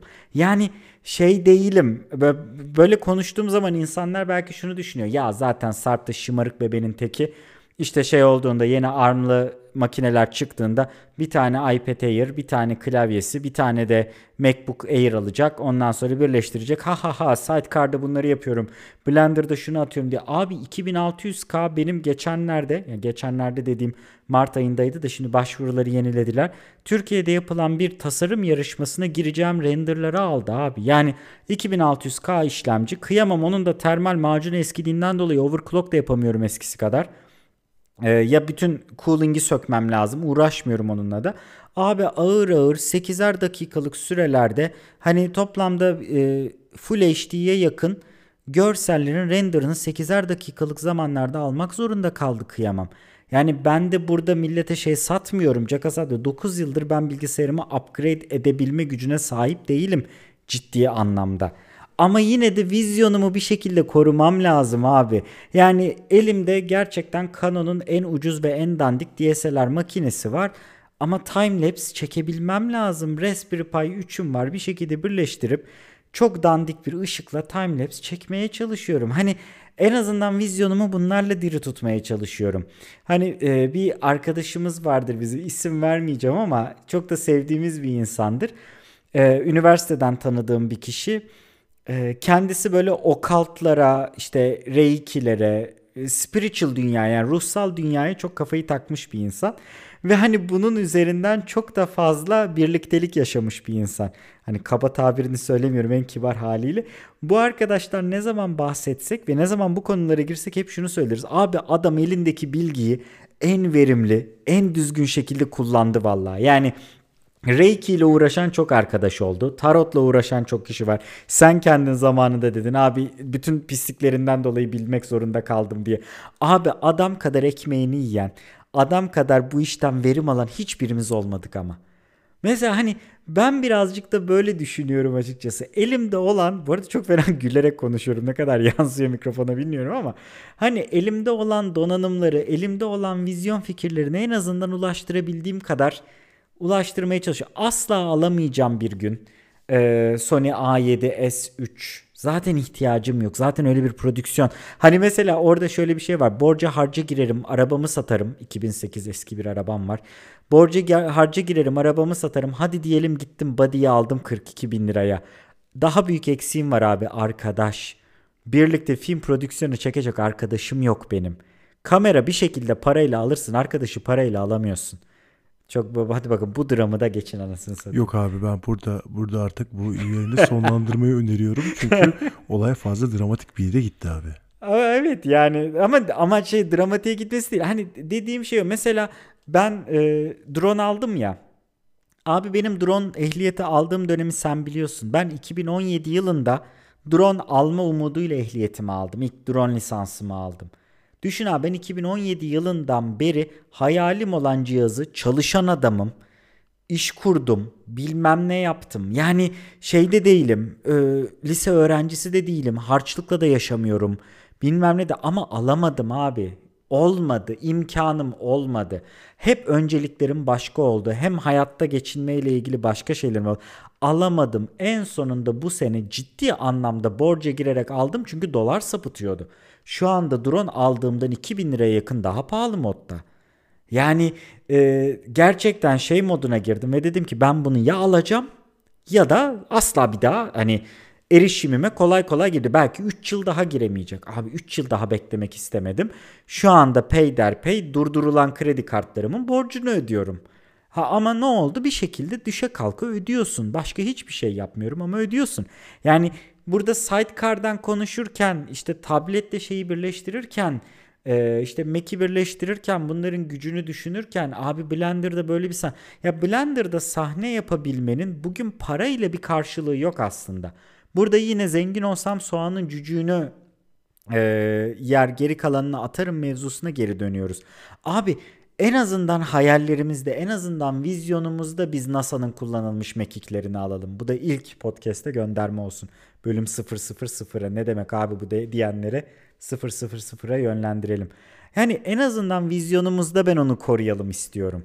Çünkü Hayal, evet. Hayallerimizde vizyonumuz olmuyor artık ama hayallerimiz oluyor. Hayallerimiz canlı. Onları evet oluyor. hayaller olsun. Haklısın. Yani en azından orada koruyalım. Ya ben bugün ARM şeylerine bakarken Rhino'yu Rosetta'nın ne kadar iyi kullanacağını bilmiyorum. Rhino benim hani bread and butter'ım kaba tabirle öyle söyleyeyim. Eskiden alınmış bir Rhino 5 lisansım var. Ben onu kullanıyorum hala. Yani Rhino 6 çıktı, Rhino 7 çıkacak. Ben Rhino 5 lisansı kullanıyorum. Çünkü Rhino 7'ye 6'ya param yetmez. 999 euro abi lisansı. Yani e, benim ona gücüm yetmez biliyorum ama hala bir gün ARM'da güzel çalışıp çalışmayacağı benim için bir merak konusu, bir hayal konusu ve gerçekten onu diğer programlarla iliştirebilme ve e, hani mekandan bağımsız olma diyorsun ya.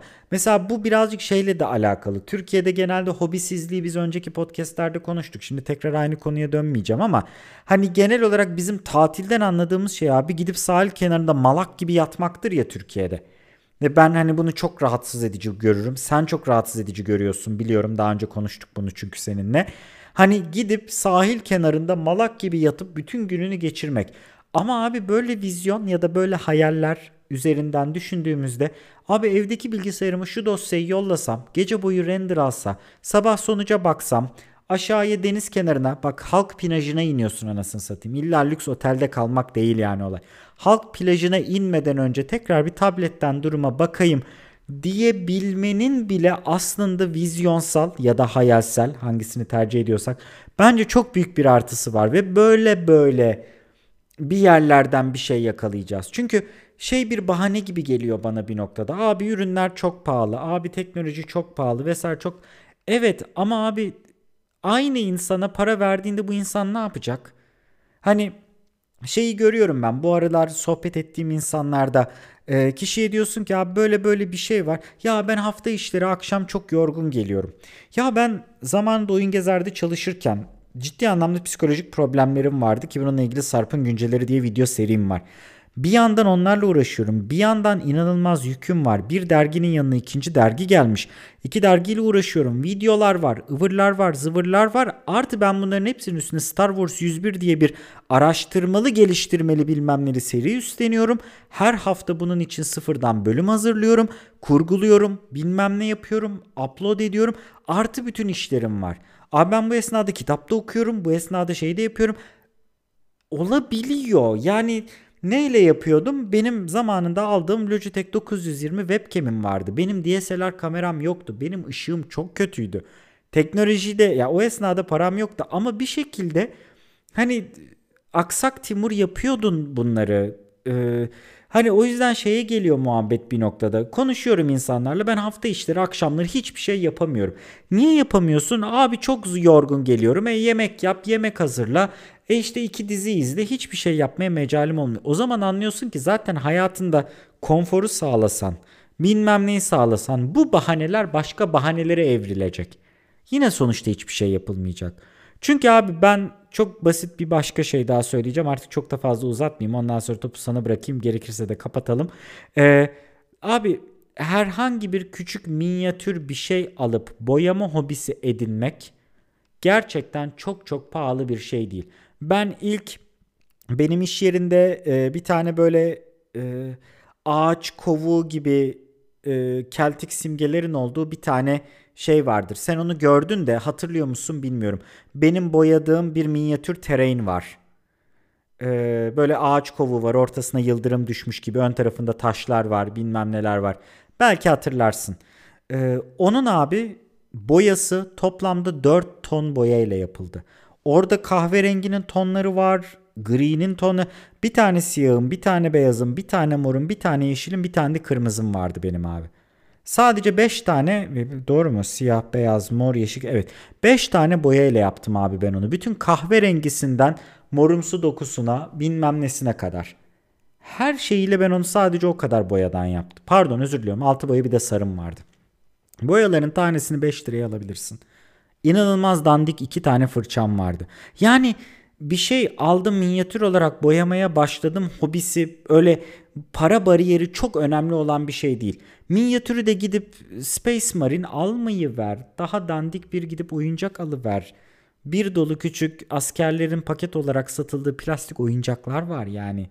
Hani bir şeyleri denemek bu kadar zor değil. Bir şeylerin bahanesi bu tür şeylerde bu kadar zor değil. Evet bir ARM'lı MacBook Air alamıyoruz. Bir yanına iPad Pro ya da iPad Air takamıyoruz.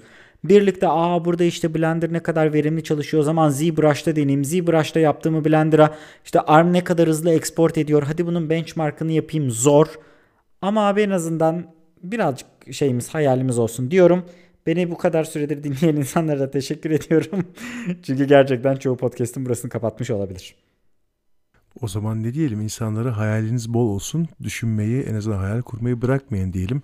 İmkanlar da bir gün gerçekleşirse artık ne diyelim o zaman daha da hayırlısı olur diyelim. Ve burada bence ufak ufak artık programımızı kapatalım. Aynen öyle. Çok teşekkürler arkadaşlar dinlediğiniz için ve sana da ekstra teşekkürler Berkin'cim katlandığın için. Bayağı çünkü taramalı tüfek gibi zevkti. az önce. Hani heyecandan psikopata döndüm birazcık. Ondan dolayı minik bir özür. Ama iyi ki varsın. İyi ki sen de varsın Sarp'cığım. Öpüyoruz o zaman. Herkes kendisine çok çok iyi baksın. Görüşmek üzere arkadaşlar. Hoşçakalın. Hoşçakalın.